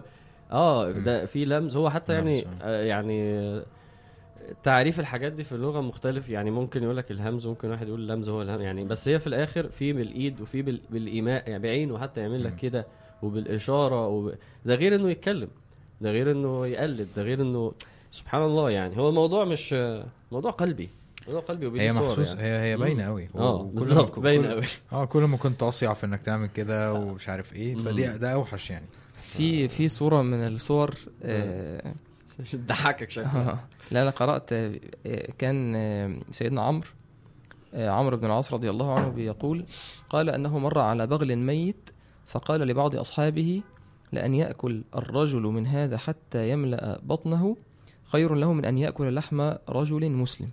قال ثم التفت الفضيل إلينا. مم. معرفش هو ده نفس الأثر ولا أثر تاني يعني بس أنا هو عندي كان كده. يعني المهم يعني فقال يعني ممكن مش فاهم هل هو الفضيل رضي الله عنه آه، آه، حكى. حكى الموقف بتاع سيدنا عمرو وبعدين بيعلق بن عليه؟ آه آه. ماشي. الفضيل بن عياض يعني ما هو حكى حكى حكى ممكن يكونوا عاشروا بعض ما أظنش. حكى حكى لا يعني ممكن سي يعني أثر سمع عن- الأثر. عن آه، عن ماشي. سيدنا عمرو يعني. آه. أو ده إيه يعني هو الغلط هنا إيه؟ مشكلة عندي في التحضير يعني. فقال إيه ثم التفت الفضيل إلينا فقال ربما قال الرجل ده الشاهد بقى. آه. ربما قال الرجل لا إله إلا الله فأخشى عليه النار. آه. قالوا إيه ده يعني إزاي حد يقول لا إله إلا الله؟ تخاف إن هو يدخل النار؟ قالوا وكيف ذاك؟ قال يغتاب الرجل بين يديه. يعني واحد إيه ذكر ب- وهو قاعد آه فيعجبه هو عجبه الغيب. فراح قايل إيه لا إله إلا الله آه بجد حصل الكلام ده آه هو من جواه إيه. هو اتكيف من ال... آه. من القصة زي ما إحنا نقول سبحان الله إيه؟ تعليقا يعني بجد؟ على ربنا يهديه فاهم؟ أو يقول لك ربنا يهدينا. ده كده بيوافق على رب... آه. ربنا يهدينا دي. هو أنت عايز إيه؟ عايز انت أنت بتطعن وبتصدق على الكلام من الشخص؟ بجد عمل آه ربنا يهدينا. فربنا يهدينا دي إيه؟ أيوه أيوه أيوة. برضه. موافقة آه. للغيبة آه. أنت ده, ده, أنت بتغتاب. أيوه يعني قال أيوة. إيه؟ ف- فبيقول إيه الفضيل رحمه الله؟ بيقول فيقول لا إله إلا الله لا إله إلا الله وليس هذا موضعها. ده مش ده إيه؟ مش ده الموضع بتاعه إنما هذا موضع أن ينصح له في يا نفسه. جماعة الفضيل بن عياض ويقول له اتق الله. الكلام ده طالع من يعني أنا عايز أقول دي عشان الناس برضو تتحمس فضيل بن عياض يعني يذكر عنه إن هو كان إيه؟ كان قاطع طريق كان بلطجي. كان بلطجي وأسلم يعني دي رواية يعني إسلامه لما سمع تلاوة يعني. ف شوف النقلة ما بين الأخلاق وال- والطباع والشرور اللي كانت عند نفسه آه. وما بين هو وصل لحساسية عاملة إزاي. من الورع والفضيل بن عياض ده بيسمى بإيه؟ بيسمى بعبد الحرمين. يعني هو كان بلطجي وقاطع طريق وتحول من يعني تزكيته وتربيته لنفسه وصلته لده. فاحنا يا جماعة لو بنقول حاجة فينا مترسخة وبنعملها كلها النهارده؟ لا لا يعني الراجل بيبص الحساسية بتاعت هو مش بيتكلم عن الغيبة بيتكلم عن اس- أسلوب رد الغيبة. بيدخل في مرحلة من أعلى المراحل وإحنا مش بنتكلم عن صحابي حتى. يعني ده لا ده, ده لا ده في التابعين وكان فين وبقى فين. فيعني بإذن الله ربنا يهدينا يعني. طيب آه، إحنا قلنا الصور امم صور. ال- الأثر ال- الغيبه إيه؟ أثر الغيبة. الآية بس أنت قلت في تسلسل التجسس والظن. ما- يعني- تعالى نعدي على الآية برضو. ماشي يعني آه، كنت حابب إن أنا يعني أقول آه أنت لو سريعا هتقرأ السريعا دي كلام كلام ابن القيم لأن هو جميل يعني. المقالات بتاعته دي؟ لا لا لا والله هو فعلا جميل. ماشي. ماشي هو ابن القيم بي- بيقول عن عن ال- التمثيل اللي في الآية. يعني إحنا بنقول أيوة. إن دلوقتي من أثر الغيبة لو هنقول ان إن النقطة دي هتدخل تحت نقطة معينة. هي أثر الغيبة إن دي من أكبر الكبائر وإن السيئات بتاعتك آه، آه، هتبقى كتير جدا وإن الغيبة بتاكل الحسنات. يعني الإمام الغزالي بي يعني بي بيوصف يعني إن الشخص اللي هو المغتاب ده فبيقول الغيبة هي الصاعقة المهلكة للطاعات. يقول إيه؟ ومثل من يغتاب كمن ينصب منجنيقا عارف المنجنيق اللي هي الآلة مم. بتاعت اللي بتهدم الحصون دي؟ يحط فيه حجر ضخم ده. قال فهو يرمي فهو يرمي به حسناته شرقا وغربا. ويمينا وشمالا. يعني بيقول إن المغتاب ده شبهه بإيه؟ واحد جاب منجنيق وقاعد بيكسر الحسنات تخيل واحد دخلت على واحد. الشقة بتاعته. لقيته ماسك مرزبة كده وقاعد يضرب في الحيطان ويكسر ويكسر الشاشات. ده بالظبط ال- المغتاب مع الحسنات بتاعته.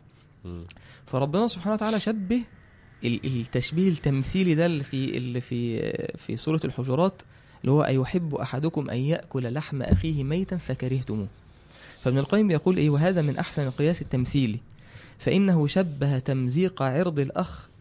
بتمزيق لحمه. يعني شوف في, في كذا حاجة. أنت دلوقتي الغيبة بقت زي إيه؟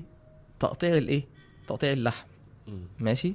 فبيقول إيه؟ شبه تمزيق عرض الأخ بتمزيق لحمه ولما كان المغتاب يمزق عرض أخيه في غيبته كان بمنزلة من يقطع لحمه في حال غيبة روحه عنه بالموت. يعني انت بتغتاب شخص وهو مش موجود. الشخص التاني ده بيقطع لحم الأخ وهو إيه؟ ميت. روحه مش موجودة ميت. ما هو التاني التاني ده مش قادر يدافع عن نفسه. مش قادر يدافع عن نفسه اللي هو مش موجود في المجلس. والشخص اللي روحه خرجت من جسدي مش قادر يدفع التقطيع بتاع اللحم ده لأن هو. ميت. مم. يعني أنت لو هتقطع في لحم وهو صاحي هي... هيدفعك. آه. كويس. قال ولما كان المغتاب عاجزا عن دفعه عن نفسه بكونه غائبا عن ذمه عن المجلس اللي بيتذم فيه ده دي؟ معلش نورت معايا حاجة إنه المغتاب ده ضعيف قوي ما هو هيقول؟ كده يعني هيقول ده؟ نوع من جبان. الجبن يعني امم اللي هو إحنا عشان اللي هو مش ما بيعملش كده العادي بتاعه آه قال إيه. ولما كان المغتاب عاجزا عن دفعه عن نفسه بكونه غائبا عن ذمه كان بمنزلة الميت الذي يقطع لحمه ولا يستطيع أن يدفع عن نفسه مم. قال ولما كان مقتضى الأخوة شوف هو كل- كلمة كلمة. مم. أيحب أحدكم آه. أن يأكل لحم أخيه. كويس. مم. مقتضى الأخوة ذكر الأخ هنا. إن أنت أنت مستحيل انت تقطع لحم أخوك. كويس. يعني ده شيء مستحيل. فقال لما كان مقتضى الأخوة التراحم والتواصل والتناصر فعلق عليها المغتاب ضد مقتضاها من الذم والعيب والطعن. كان ذلك نظير تقطيع لحم أخيه. الأخوة تقتضي أن أنت تحفظه. يعني شفت حد بيقطع لحم إيه، أخيك ه... ه... يعني تخيل واحد أخوه ميت وواحد راح يقطع اللحم بتاعه. ده ده ده انت ه- هتموت عشان.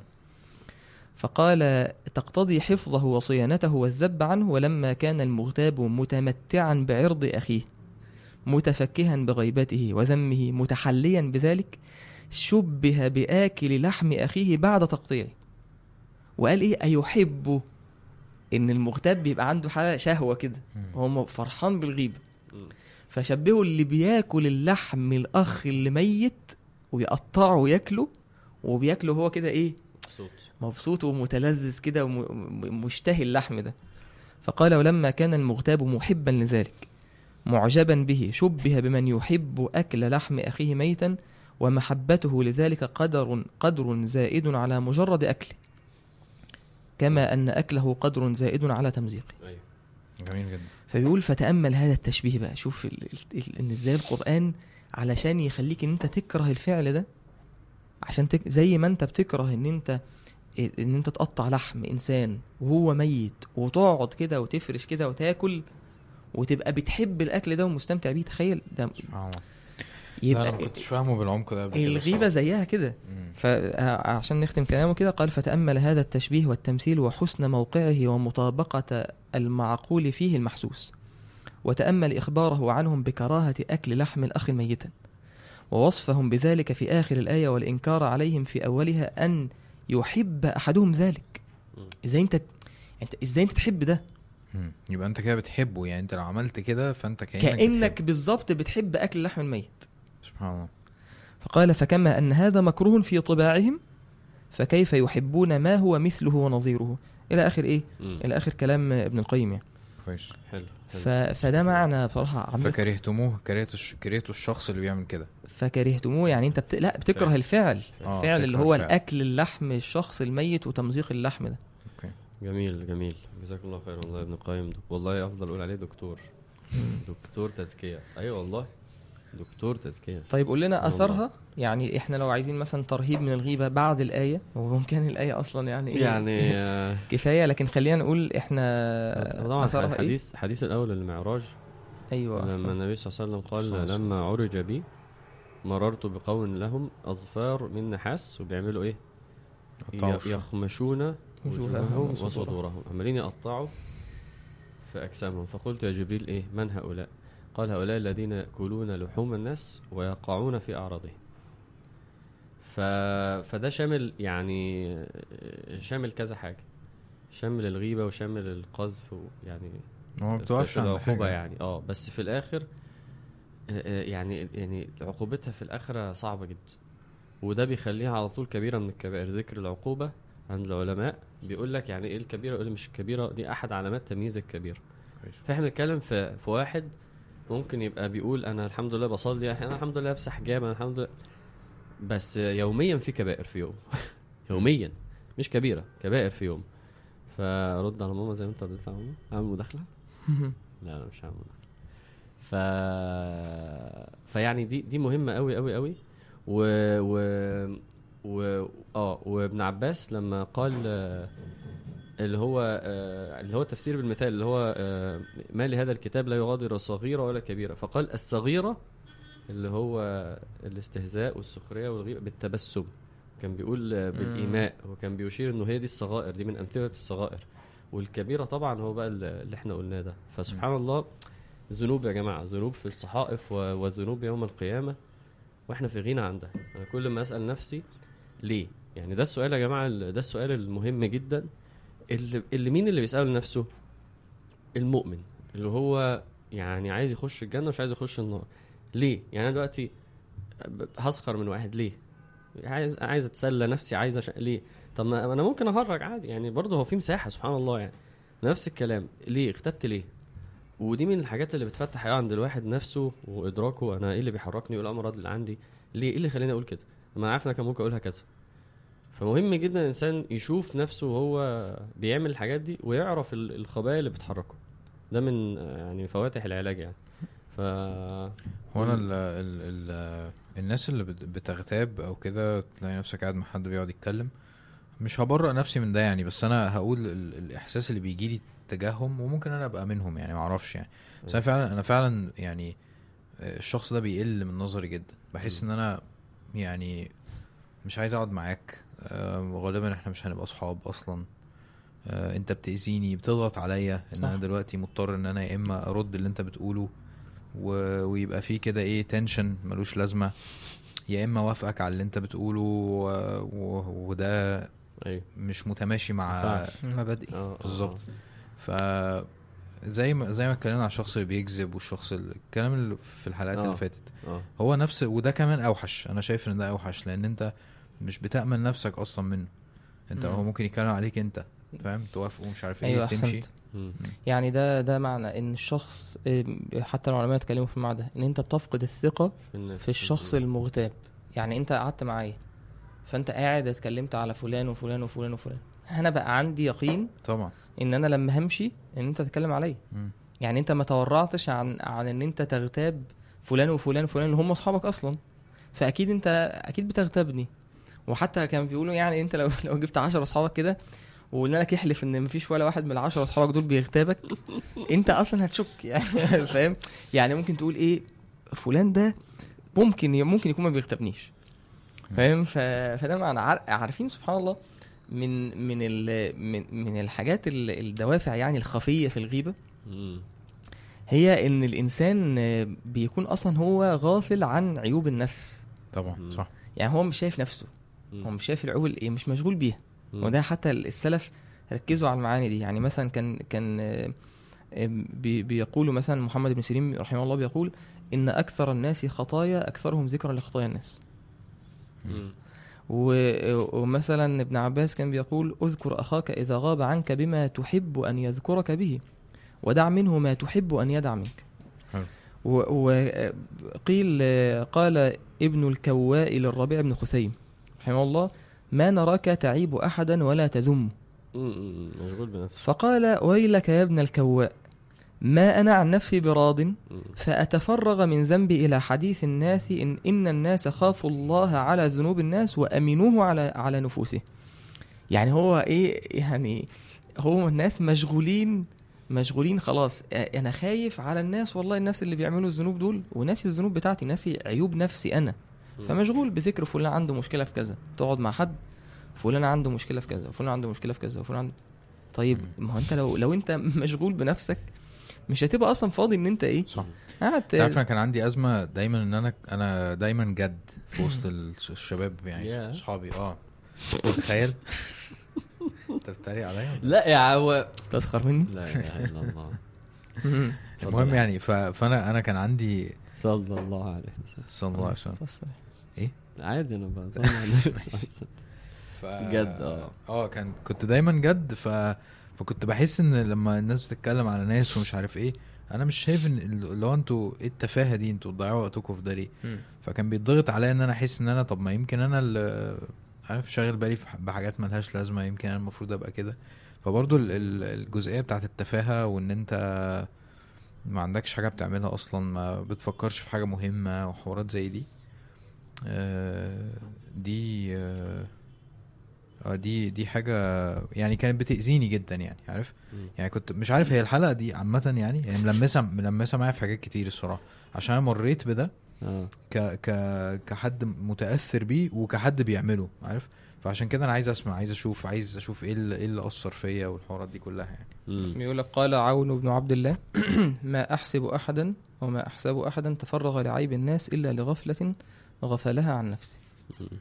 ف... فده من المعاني خي... خلينا نحن إيه يعني آه، يعني نحل بقى آه نشوف مثلا إيه نحل.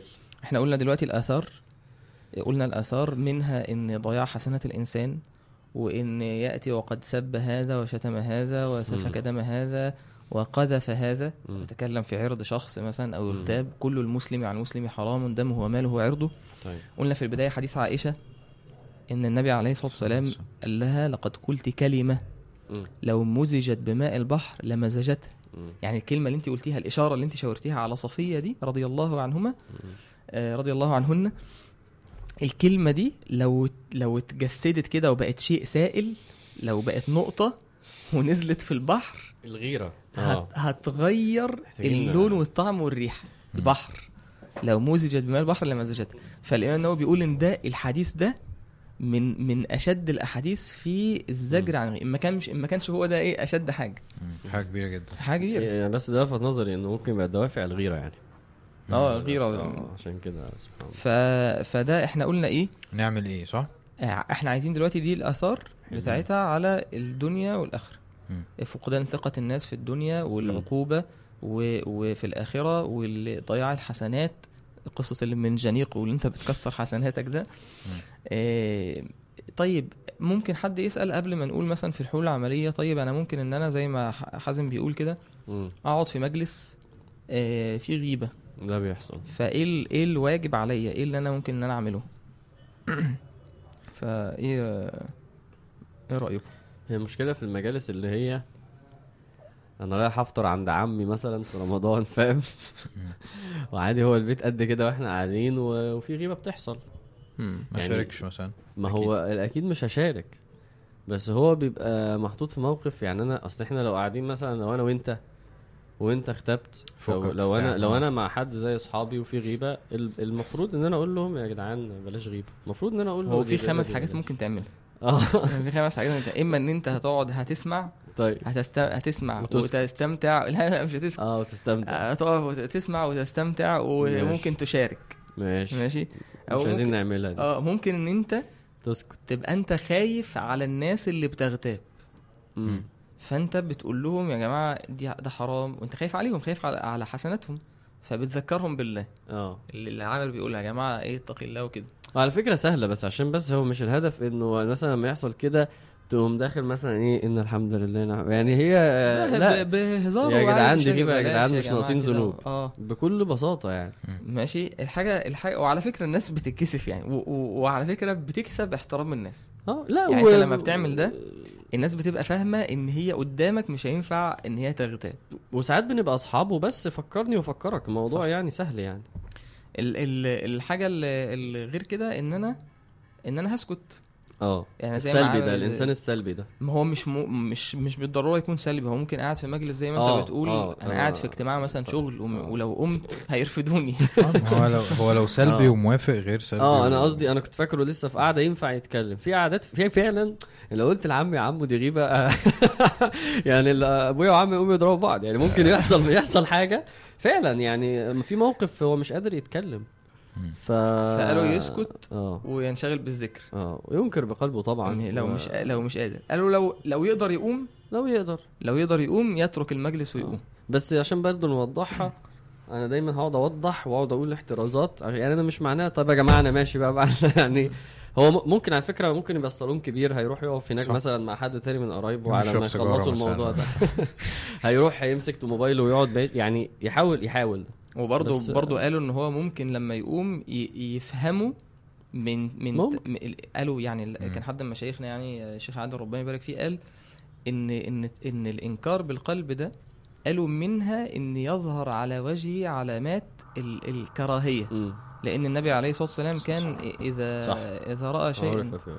آه يعني عرف في وجه الكراهية آه كويس فإن أنت مش تقوم وخلاص مش قايم هو- وأنا بهزر وبضحك لأ صح أنا قايم وأنا متضايق. وده ساعات صح. بيحصل. لا وساعات ممكن يحصل موقف يعني فالناس ممكن بتفهم. ممكن يحصل محادثة والمحادثة دي فيها كلام غلط. فأول ما تتسأل رأيك لا أنا بصراحة إيه الحاجات دي ما أ- أتكلم فيها كده. بس خلاص.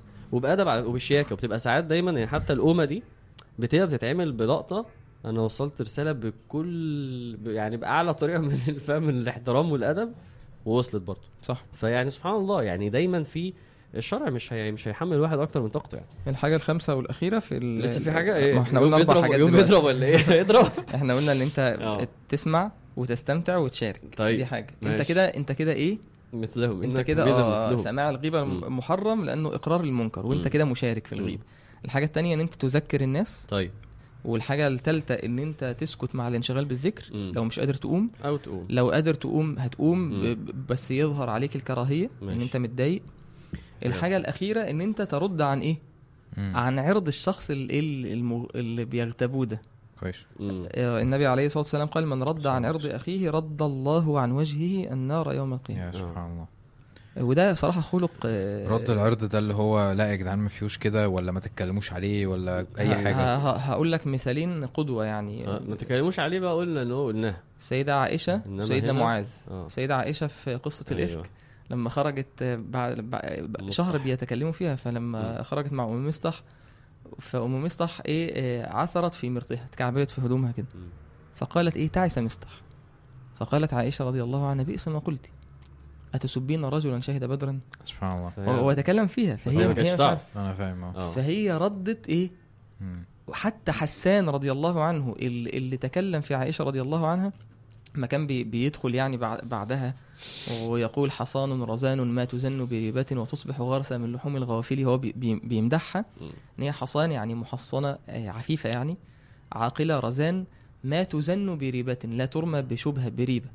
وتصبح غرسة يعني جائعة من لحوم الغوافل إن هي ما. بتغتابش الناس ما بتاكلش لحوم الناس. فقالت له إيه ولكنك لست كذلك. إن هو هو إيه؟ كلام عليه مم. اتكلم عليها. هو تاب وأقيم عليه الحد رضي الله عنه يعني. فكانت بعدها تقول إيه؟ لما حد من الصحابة يقول لها يعني انت إزاي تأذني ان إن هو إيه حساني يدخل عليكي تسمحي إن هو يدخل عليكي؟ فقالت إنه كان ينافح عن رسول الله. صلى الله عليه وسلم. صلى الله عليه وسلم. ده كان بيدافع عن النبي عليه الصلاة والسلام. فرد الغيبة تذ- رضي الله عنها. تذكر حاجة إيجابية آه. بالظبط آه. كده بالظبط. فقدوه قدوة للنساء عائشة رضي الله عنها. قدوة للرجال معاذ. معاذ في في في غزوة آه، تبوك. لما لما كعب. النبي عليه الصلاة والسلام قال ما فعل كعب. قال فقام رجل من بني سلمة من, من قبيلة سيدنا كعب. فقال يا رسول الله يعني حبسه برداه ونظروا في عطفي قال له كعب ده مش بتاع جهاد وحر وكده ده زمانه إيه قاعد يتفرج على هدومه وكده. فقام معاذ وقال بئس ما قلت. والله يا رسول الله ما علمنا عليه إلا خير. معاذ بن جبل؟ معاذ بن جبل رضي الله عنه. فرد الغيبة ده خلق قال إيه معلش؟ بئس ما ما قلت علمنا عليه إلا والله خير. ما علمنا عليه إلا خير سبحان الله يعني أكيد ما جاش عنده عذر. تخيل أنت ليك أخ كده آه يعني. ف... فإحنا كده ولا إيه. يعني مش هتخيل بقى يعني من من المواقف حد حد من الشباب يعني بعت لي رسالة إيه؟ آه هو يعني يعني أنا ما شفتوش يعني ما أعرفش الشخص ما شفتوش على الحقيقة يعني. طيب. فبعت لي رسالة بيقول لي أنا آه، أنا يعني حصل موقف أنا كنت في مجلس واحد قاعد يغتابك ويتكلم عنك ومش عارف إيه وأنا دافعت عنك. ف... فانا أنا اتضايقت يعني. طب انت انت جاي أنا قلت أقول لك علشان ادخل السرور عليك. دي مش من الحاجات آه، اللي تدخل. السرور على آه، قلب طبعاً. الإنسان. صح صح صح. برافو عليك. يعني يعني كان في واحد قاعد يشتم فيك النجوى ويهينك إنما النجوى من الشيطان ليحزن الذين آمنوا. كويس. فنقل الغيبة للناس ما آه بلاش. مش طبعا بلاش يعني. وعشان كده برضو إحنا هنتكلم في آه كمل أنت عشان ما الكاميرات شغالة يا معلم ولا إيه؟ إيه؟ الدرجة دي؟ إحنا بقى فوق دول. مش شايفه. مش شايفهم طيب. طيب كمل انت. طيب إحنا دلوقتي آه إحنا دلوقتي عايزين إحنا نقول إحنا قلنا لو حد اختاب وأنا موجود اعمل إيه؟ انما لو أنا اختبت بقى؟ آه آه، لو أنا اختبت؟ ال... ال... إزاي ان انت تتوب من الغيبة آه يعني. يعني إحنا بنحاول إن إحنا ما نختبش بس لو أنا حصل وحد اختاب ف العلماء قالوا حاجتين آه. آه، في خلاف يعني. مم. قالوا إما إن أنت تستحل من الشخص وبعض العلماء بيقول ده الأصل يعني. تكلمه تقول له يعني ولا؟ إن أنت تقول له إن أنا اغتبتك فاجعلني في حل يعني سامحني. كويس. ف وده صراحة لسه حاصل معايا أصلا حد صاحبي جدا يعني قريب مني آه. كلمني قال لي أنا إيه قال لي أنا قال لي أنا عايزك تسامحني عشان أنا اغتبتك. آه. أنا لقيته بعت لي رسالة كده رسالة ود كده وحب آه، كده في وقت حاجة. وقت غريب يعني فجر يعني. فاستغربت. وبعدين بعدها إيه لقيته بساعتين بعت لي بيقول لي أنا اغتبتك سامحني. آه. صراحة أنا قلت له يا عم خلاص يعني عادي. عادي, عادي وربنا غفر الله لك. ما أنا بغتاب آه. يعني أكيد أنا بقع في الغيبة برضه يعني. بس برضه أنا من جوايا حسيت إيه عايز هو طب أنت قلت هو ده غلط مني. عايز أقول له طب أنت قلت عليا إيه؟ اتضايقت شوية كده إن ما كنتش متخيل إن إن أنت طب تغتابني ليه؟ يعني أنت بس, صاحبي بس هي حاجة قوية منه إن هو يجي حاجة. قوية منه.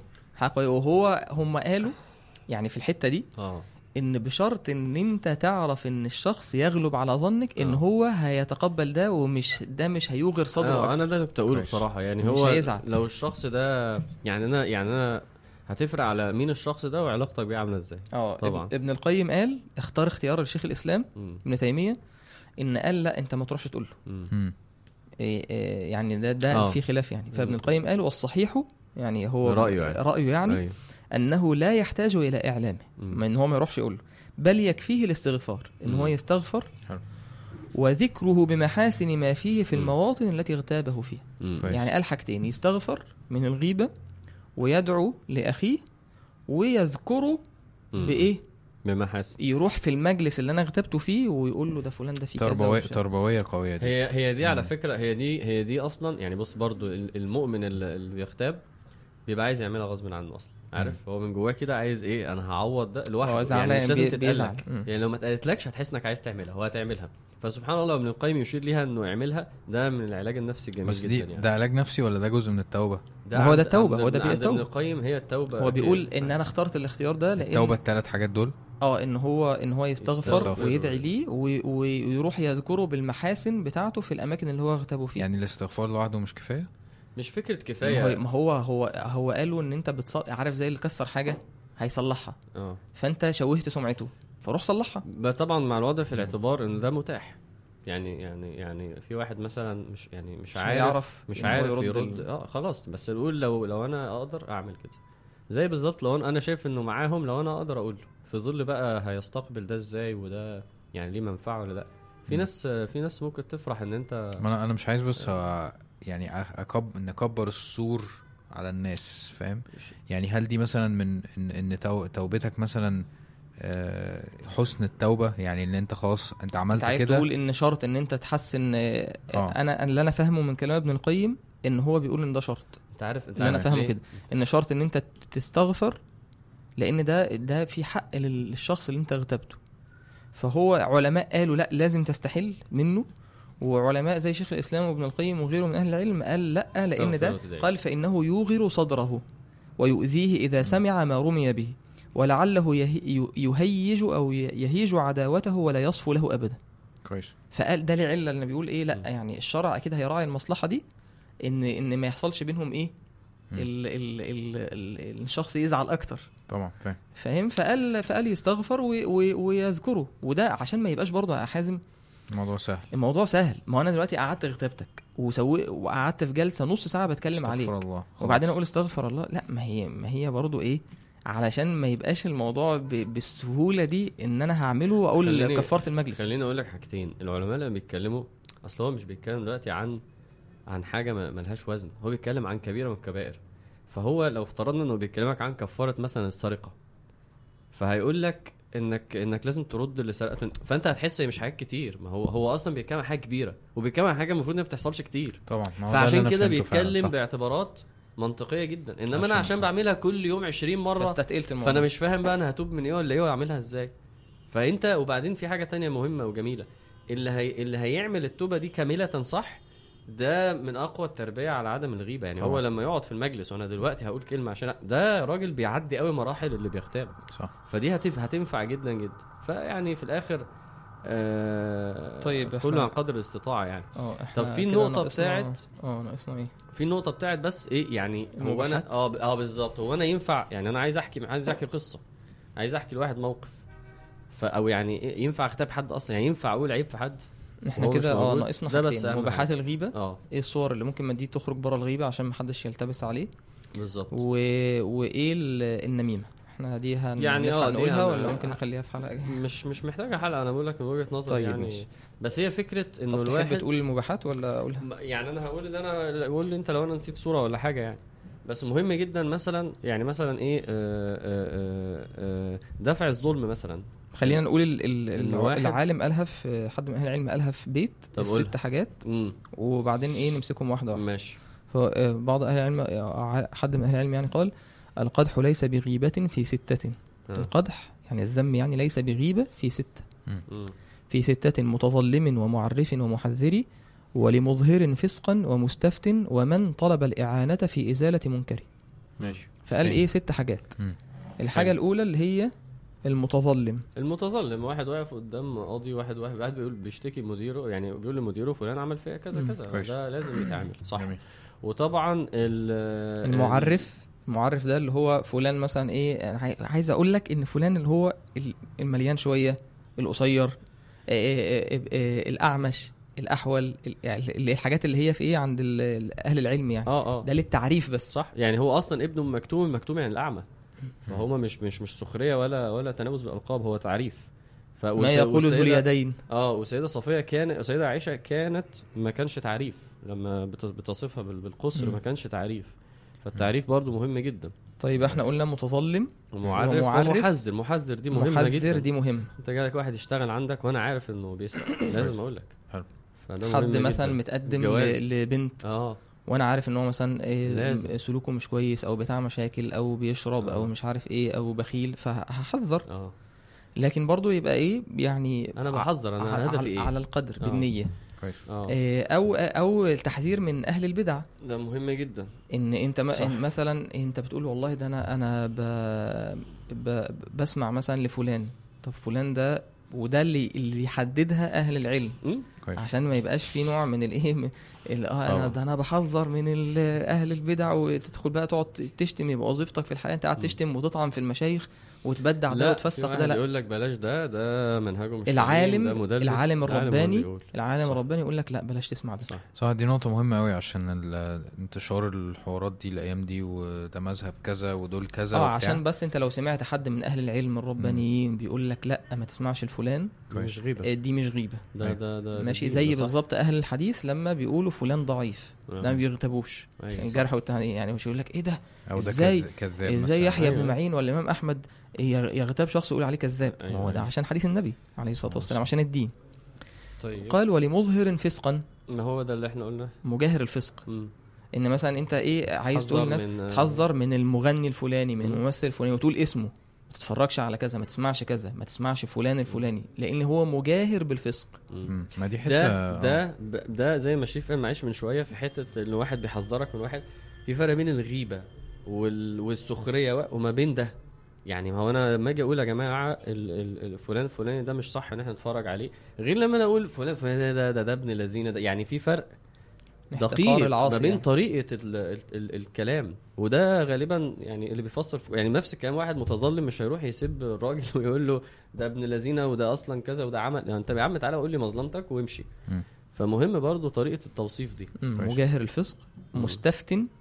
المستفتي ده اللي رايح لل... للعالم يستفتيه في مسألة فمثلا زي القصة ناس تانية آه،. اللي هي هند بنت عتبة لما ذهبت إلى النبي صلى الله عليه وسلم وقالت إن أبا سفيان رجل شحيح مم. يعني هي بتقول إن بخيل. هو بخيل آه فهي بتستفتي النبي عليه الصلاة والسلام صح. تعمل إيه مم. تاخد ينفع تاخد فلوس بالمعروف من من ماله أو لأ فده المستفتي. ويتكلم على القدر. يعني أنا واحدة رايحة تستفتي في فتوى ما تقعدش تحكي للشيخ تفاصيل حياة. أيوة. دي مش مهمة في الفتوى. فيبقى عنده تقوى وهو بايه بيستفتي. ومن طلب الإعانة في إزالة منكر. يعني إن أنا مثلا إيه عايز أساعد إيه في إزالة منكر معين. فهروح أقول له مثلا إيه أنا مثلا ب... مثلا مثلا إيه شيخ بيتكلم مع شيخ صاحبه تاني. وهو عنده طالب معين وهو الطالب ده معروف مثلا بين الايه بين الاثنين المشايخ فهما بيتكلموا الشخص ده الطالب ده عنده سلوك معين محتاج إن هو إيه؟ يتقوم. يتقوم. فبيتكلموا فبيقولوا طب أعمل معاه إيه؟ طب فلان عنده كذا مشكلة في كذا. مثلا اتنين صحاب صاحبهم عنده مشكلة فبيتكلموا مع بعض علشان إيه؟ أيوة إحنا أيوة.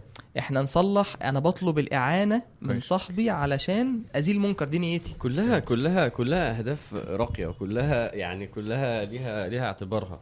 بغ- ب- ب- يعني بغير فعلا تكلف وبغير تطول يعني. في حين بقى الصور اللي إحنا بنتكلم عليها هو الكلام اللي ملوش لازمة وغيبه على الفاضي وتشبع بقى للأمراض والقصص اللي إحنا قلناها دي. ف خلونا بقى ن... نختم بالنميم خلونا يعني أنا زي ما قلت لك بصراحة أنا عشان بس ما نطولش أنا حاسس إنه هي حاجة يعني يشار إليها لأنه لأن هي إيه تعرفها. ك... أنت هتقول طبعا أنا عارف إنك مش هتسيبنا يعني بس يعني أنا قصدي إنه هي النميمة آه، إنك تنقل كلام. بغاية الإفساد بغاية إنك غرض ان أنت توقع بين الناس الإيقاع. يعني. آه مم. يعني أنا أجي أقول لك بقول لك إيه ده شريف بيقول عليك كذا كذا أنا أنا أصلا هدفي إنك تكره شريف. وان انت فاهم يحصل بينكم مشكلة أو ان انت ترفضه أو ان يعني انت تعاقبه صفه مش فيه حاجة ممكن تبقى لا لا في في لا، حصل ال- اللي موقف مش فيه ده اللي. هو الإفك والبهتان اللي هو حاجات اللي مش يعني. فيه بقى ده ده أعلى وأعلى بقى يعني أنا بغرض الإفساد بس أنا كمان هي أصلا مش فيه أصلا تمام بس الغرض اللي وراها مش مش بس شوية استمتاع وتحقير لا لا لا. ده أنا عايز يحصل مشكلة. يعني والكلام ده ممكن يعني واحد بقى بيوقع بين عيلتين واحد بيوقع بين مدير وموظف واحد فأنا كنت بقول لشريف حتى إيه يعني إن شاء الله إيه الناس اللي عندنا مش شريرة قوي كده اللي بيتفرج. يعني هي فيها شر. وإن كانت آه فيها شر. بتحصل. فيها حاجة فظيعة. بتحصل في فعلا في بتحصل. الشغل في جدا. الشغل وبتحصل في القعدات الصحاب و... يعني و... يعني يعني النميمة دي غيبة برضو. طبعا. بس زيادة كل عليها. نميمة كل غيبة. نميمة غيبة. صح كده. صح كل صح نميمة غيبة. زائد فيها دوافع أو خد بالك في حاجة كمان. يعني هو النمام هو حضر مجلس غيبة يعني هو أنا دلوقتي قعدت سمعت لو هو صادق في الكلام اللي هو بيقوله يعني آه. يعني مش بيفتري آه. لأن لأن ال ال البهتان إن أنا أقول آه، على حد حاجة هي مش فيه ده ده عقوبته شديدة. النبي عليه الصلاة والسلام قال من قال في مؤمن ما ليس فيه آه. قال أسكنه الله ردغه الخبال حتى يخرج مما قال قيل وما ردغته الخ- الخبال قال عصارة أهل النار فده يبقى ده مكانه إن هو في مكان يشرب وبياكل من عصاره أهل النار الصديد هو الفعل و- أصله قذر. الفعل آه إن هو فالعقوبه لازم تبقى كده بيتكلم في إنسان يطعن فيه بشيء هو مش موجود فيه. ده بقى ليفل الوحش يعني فعلا يعني كده إحنا وصفناه فعلا. يعني أنا. باجي أنقل كلام مش آه، حقيقي عشان النميمة أوقع. بقى يا نهار النميمة نقل كلام حقيقي. ده معلش كان مين اللي إحنا كنا اللي؟ هو البهتان. ال- البهتان البهتان ماشي البهتان بيجمع بين الكذب وبين كويس. الغيبة صح. كده ماشي إنما النميمة غيبة وغرض الإيه الإفساد والإفساد هو قالوا إيه نقل الحديث من قوم إلى قوم على جهة الإفساد والشر مم. فده من أكبر الكبائر. وسبب سبب لعذاب القبر سبحان الله لأن النبي عليه الصلاة والسلام قال لما. قيل لحذيفة بلغه أن رجلا ينم الحديث فقال سمعت رسول الله صلى الله عليه وسلم يقول لا يدخل الجنة قتات. نمام يعني. وفي حديث إن النبي صلى الله عليه وسلم مر مر على قبرين فسمع صوت إنسانين يعذبان فقال انهما لا يعذبان وما يعذبان في كبير. بلى إنه لكبير. أما أحدهما فكان لا يستتر من بوله وأما الآخر فكان يمشي بالنميم. ليه دي ليه دي مفسدة؟ يعني ليه دي ذنب كبير جدا وسبب إن الإنسان يعذب في القبر وسبب العذاب في الآخرة؟ ليدخل الجنه قتات آه علشان اللي بيترتب على النميمة ده مم. قطيعة ممكن قطيعة قتل. وحلق مم. فعلا ممكن قتل. ممكن آه، طلاق طلاق صح ممكن آه، واحد يقطع يقطع رحمه. واحد يترفد. من مكانه. مم. دي دي إيه لا صح خد بالك فال- فالشخص النمام لا لا خد بالك الموضوع ده خطير جدا والنبي عليه الصلاة والسلام قال إن فساد ذات البين هي الحالقة مم. تحلق الدين فس ال- الفساد اللي بين الناس لما انت تروح توقع بين شخص وشخص تنقل الكلام. ما هو هو حتى بيبقى له نفس الكلام في في الغيبة أو في النميمة. اللي بينم ليك هياخد منك الكلام وهيرجع إيه؟ هيرجع ينقله تاني. عليك. آه آه. يعني اللي جا... اللي انت انت. قبلت إن الشخص يجي يقول لك فلان قال عنك كذا. يعني يعني أنا أفتكر مرة حد من الشباب جه قال لي آه أنا كنت مع واحد صاحبك وقال عنك كذا. قلت له لو لو قلت لي كلمة زي دي تاني أنا مش هكلمك. ما تكلمنيش تاني. طبعا. وشديت عليه جدا طبعا. جدا. فهو حتى اتخض. يعني أنت ليه- يعني أنا ما أنا ما كانش قصدي حاجة. قلت له ما تجيش. أنت دلوقتي لما قلت لي حاجة أنا قلبي اتغير ناحية صاحبي. أنت زعلتني منه؟ أنا مش عايز أسمع الكلام ده. فأنا ما أقبلش إن أنا أسمع حد بيقول لي فلان هيقول قول له إيه آه، كويس. يعني دي نميمة. أو يعني ممكن ت- هو هيسمع ممكن. مني الكلام وهيروح ينقله هي, ما تاني هي دي نميمة. ممكن تروح للنميمة. ما هي دي قربت جدا من النميمة. فقال إصلاح ذات البين هي الحالقة آه، آه، قال فساد ذات البين معلش فساد ذات البين هي الحالقة لأن الفساد اللي بيحصل بين الناس ده بيحلق الدين. طبعا يعني ده أنت بينك مشكلة وبين حد هتغتابه وهتشتمه هتظلمه وهتاكل حقه. ف... فشيخ ابن عثيمين قال النميمة من كبائر الذنوب وهي سبب لعذاب القبر ومن أسباب حرمان دخول الجنة. آه لا يدخل الجنة. قد ف... فاذا فاذا عشان أنا يعني مش عايز الناس معلش ممكن تختم أنت بعديها بس أنا. مش عايز الناس تستثقل بالعكس إحنا في, في موضوع كبير و... وهي الأخلاق كده الأخلاق بتكشف. يعني بتكشف إحنا واقفين فين. ف... فإحنا لو بس حتى في الغيبة والسخرية عندنا مشاكل فلازم برضو الحلقة دي ت... تودينا لحتة أحسن. يعني أنا برضو عايز كل واحد يفكر كده. يعني يعني أنا أنا مش هسخر من أبويا وأمي ده تاني. لو واحد بس بيفكر حتى على المستوى ده أنا لو مع أصحابي وحصل غيبة هقول لهم. أنا أنا عايز لو سمعت غيبة أنكر بقلبي. أنا عايز دايما لو اختبت حد أستغفر. يعني الكلام ده مهم. آه، آه، ومن أعظم الحاجات اللي ممكن حد يطلع بيها أنا هسأل نفسي ليه دايما. مش بس أنا ه... أنا هسأل نفسي ليه؟ أنا هدور جوايا إيه اللي بيحصل. آه، أنا هحاول أغير تهريجي ما بين إن هو يبقى فيه إظهار لعيوب لبس تهريج مفيش مشكلة ونضحك ونهزر بس احاول دايما ما احطش ال ال اكت- اكتب ال ingredient ده معايا عشان أبقى بس ضمنت إن هو عادي تهريج سليم جدا. ف في الآخر هي واجبات عملية إن شاء الله مقدور عليها. و... وعايز نقول إن إحنا ما ينفعش هتحول لمقام الفضيل بن عياض ده النهارده. حلو. مش هتحول ليه النهارده بس هروح له. صح. هروح له ولو. ولو رحت له بنسبة 5% هو ده وحش. فمهم قوي إن أنا أصلا ما أسمعش الحلقة دي على الفاضي. بس رحت لفين؟ ربنا يبارك بإذن الله يعني. ف أنا بالنسبة لي دي أتقل أتقل حلقة الصراحة. آه حلقة و- فاضحة. لا آه فاضحة و... آه. وكمان فكرة إن هي كبيرة أو من أكبر الكبائر ده بالنسبة لي ح- يعني حاجة تخض. يعني ما فيش فيها بقى إيه م- مش مش اختيار إن أنت تسيب الموضوع ده. ف... ف... ف يعني طبعا أنت كلامك أنت ختمت يعني معلش. ختام قوي جدا يعني. معلش. بس هات حتتك قبليه توجيه في الآخر إن ربنا قال وتوبوا إلى الله جميعا أو قال بعدها آه، ومن لم يتب فاولئك هم الظالمون. آه، وقال بعد آية ال- التوبة أرشد بعد آية الغيبة برضو إيه أشار لمسألة إن الإنسان إيه آه، يتوب. الله هو التواب الرحيم. بس هي دي واتقوا كنا الله إن الله غفور رحيم أو تواب تواب رحيم. تواب رحيم. كنا بنقولها قلناها قبل كده إن لو إن ده ذنب يستدعي إن أنت لو هتركز عليه مثلا الست شهور الجاية هو ده. دي آه. مشكلتي في الحياة. آه طبعا. يعني لو مسكنا سلسلة الأخلاق هتلاقي فعلا فعلا ناس متفاوتة في الكذب وفي الغضب إنما دي مشكلة معانا يعني. وإحنا مش هنفضل نبطل كلام وإحنا برضو مش هنفضل نبطل عمل يعني. فبإذن الله ربنا يفتح. ماشي. ربنا سبحانك يتقبل اللهم سبحانك. اللهم وبحمدك. أن إلا لا أنت. أستغفرك وأتوب صلى إليك. الحمد لله رب العالمين.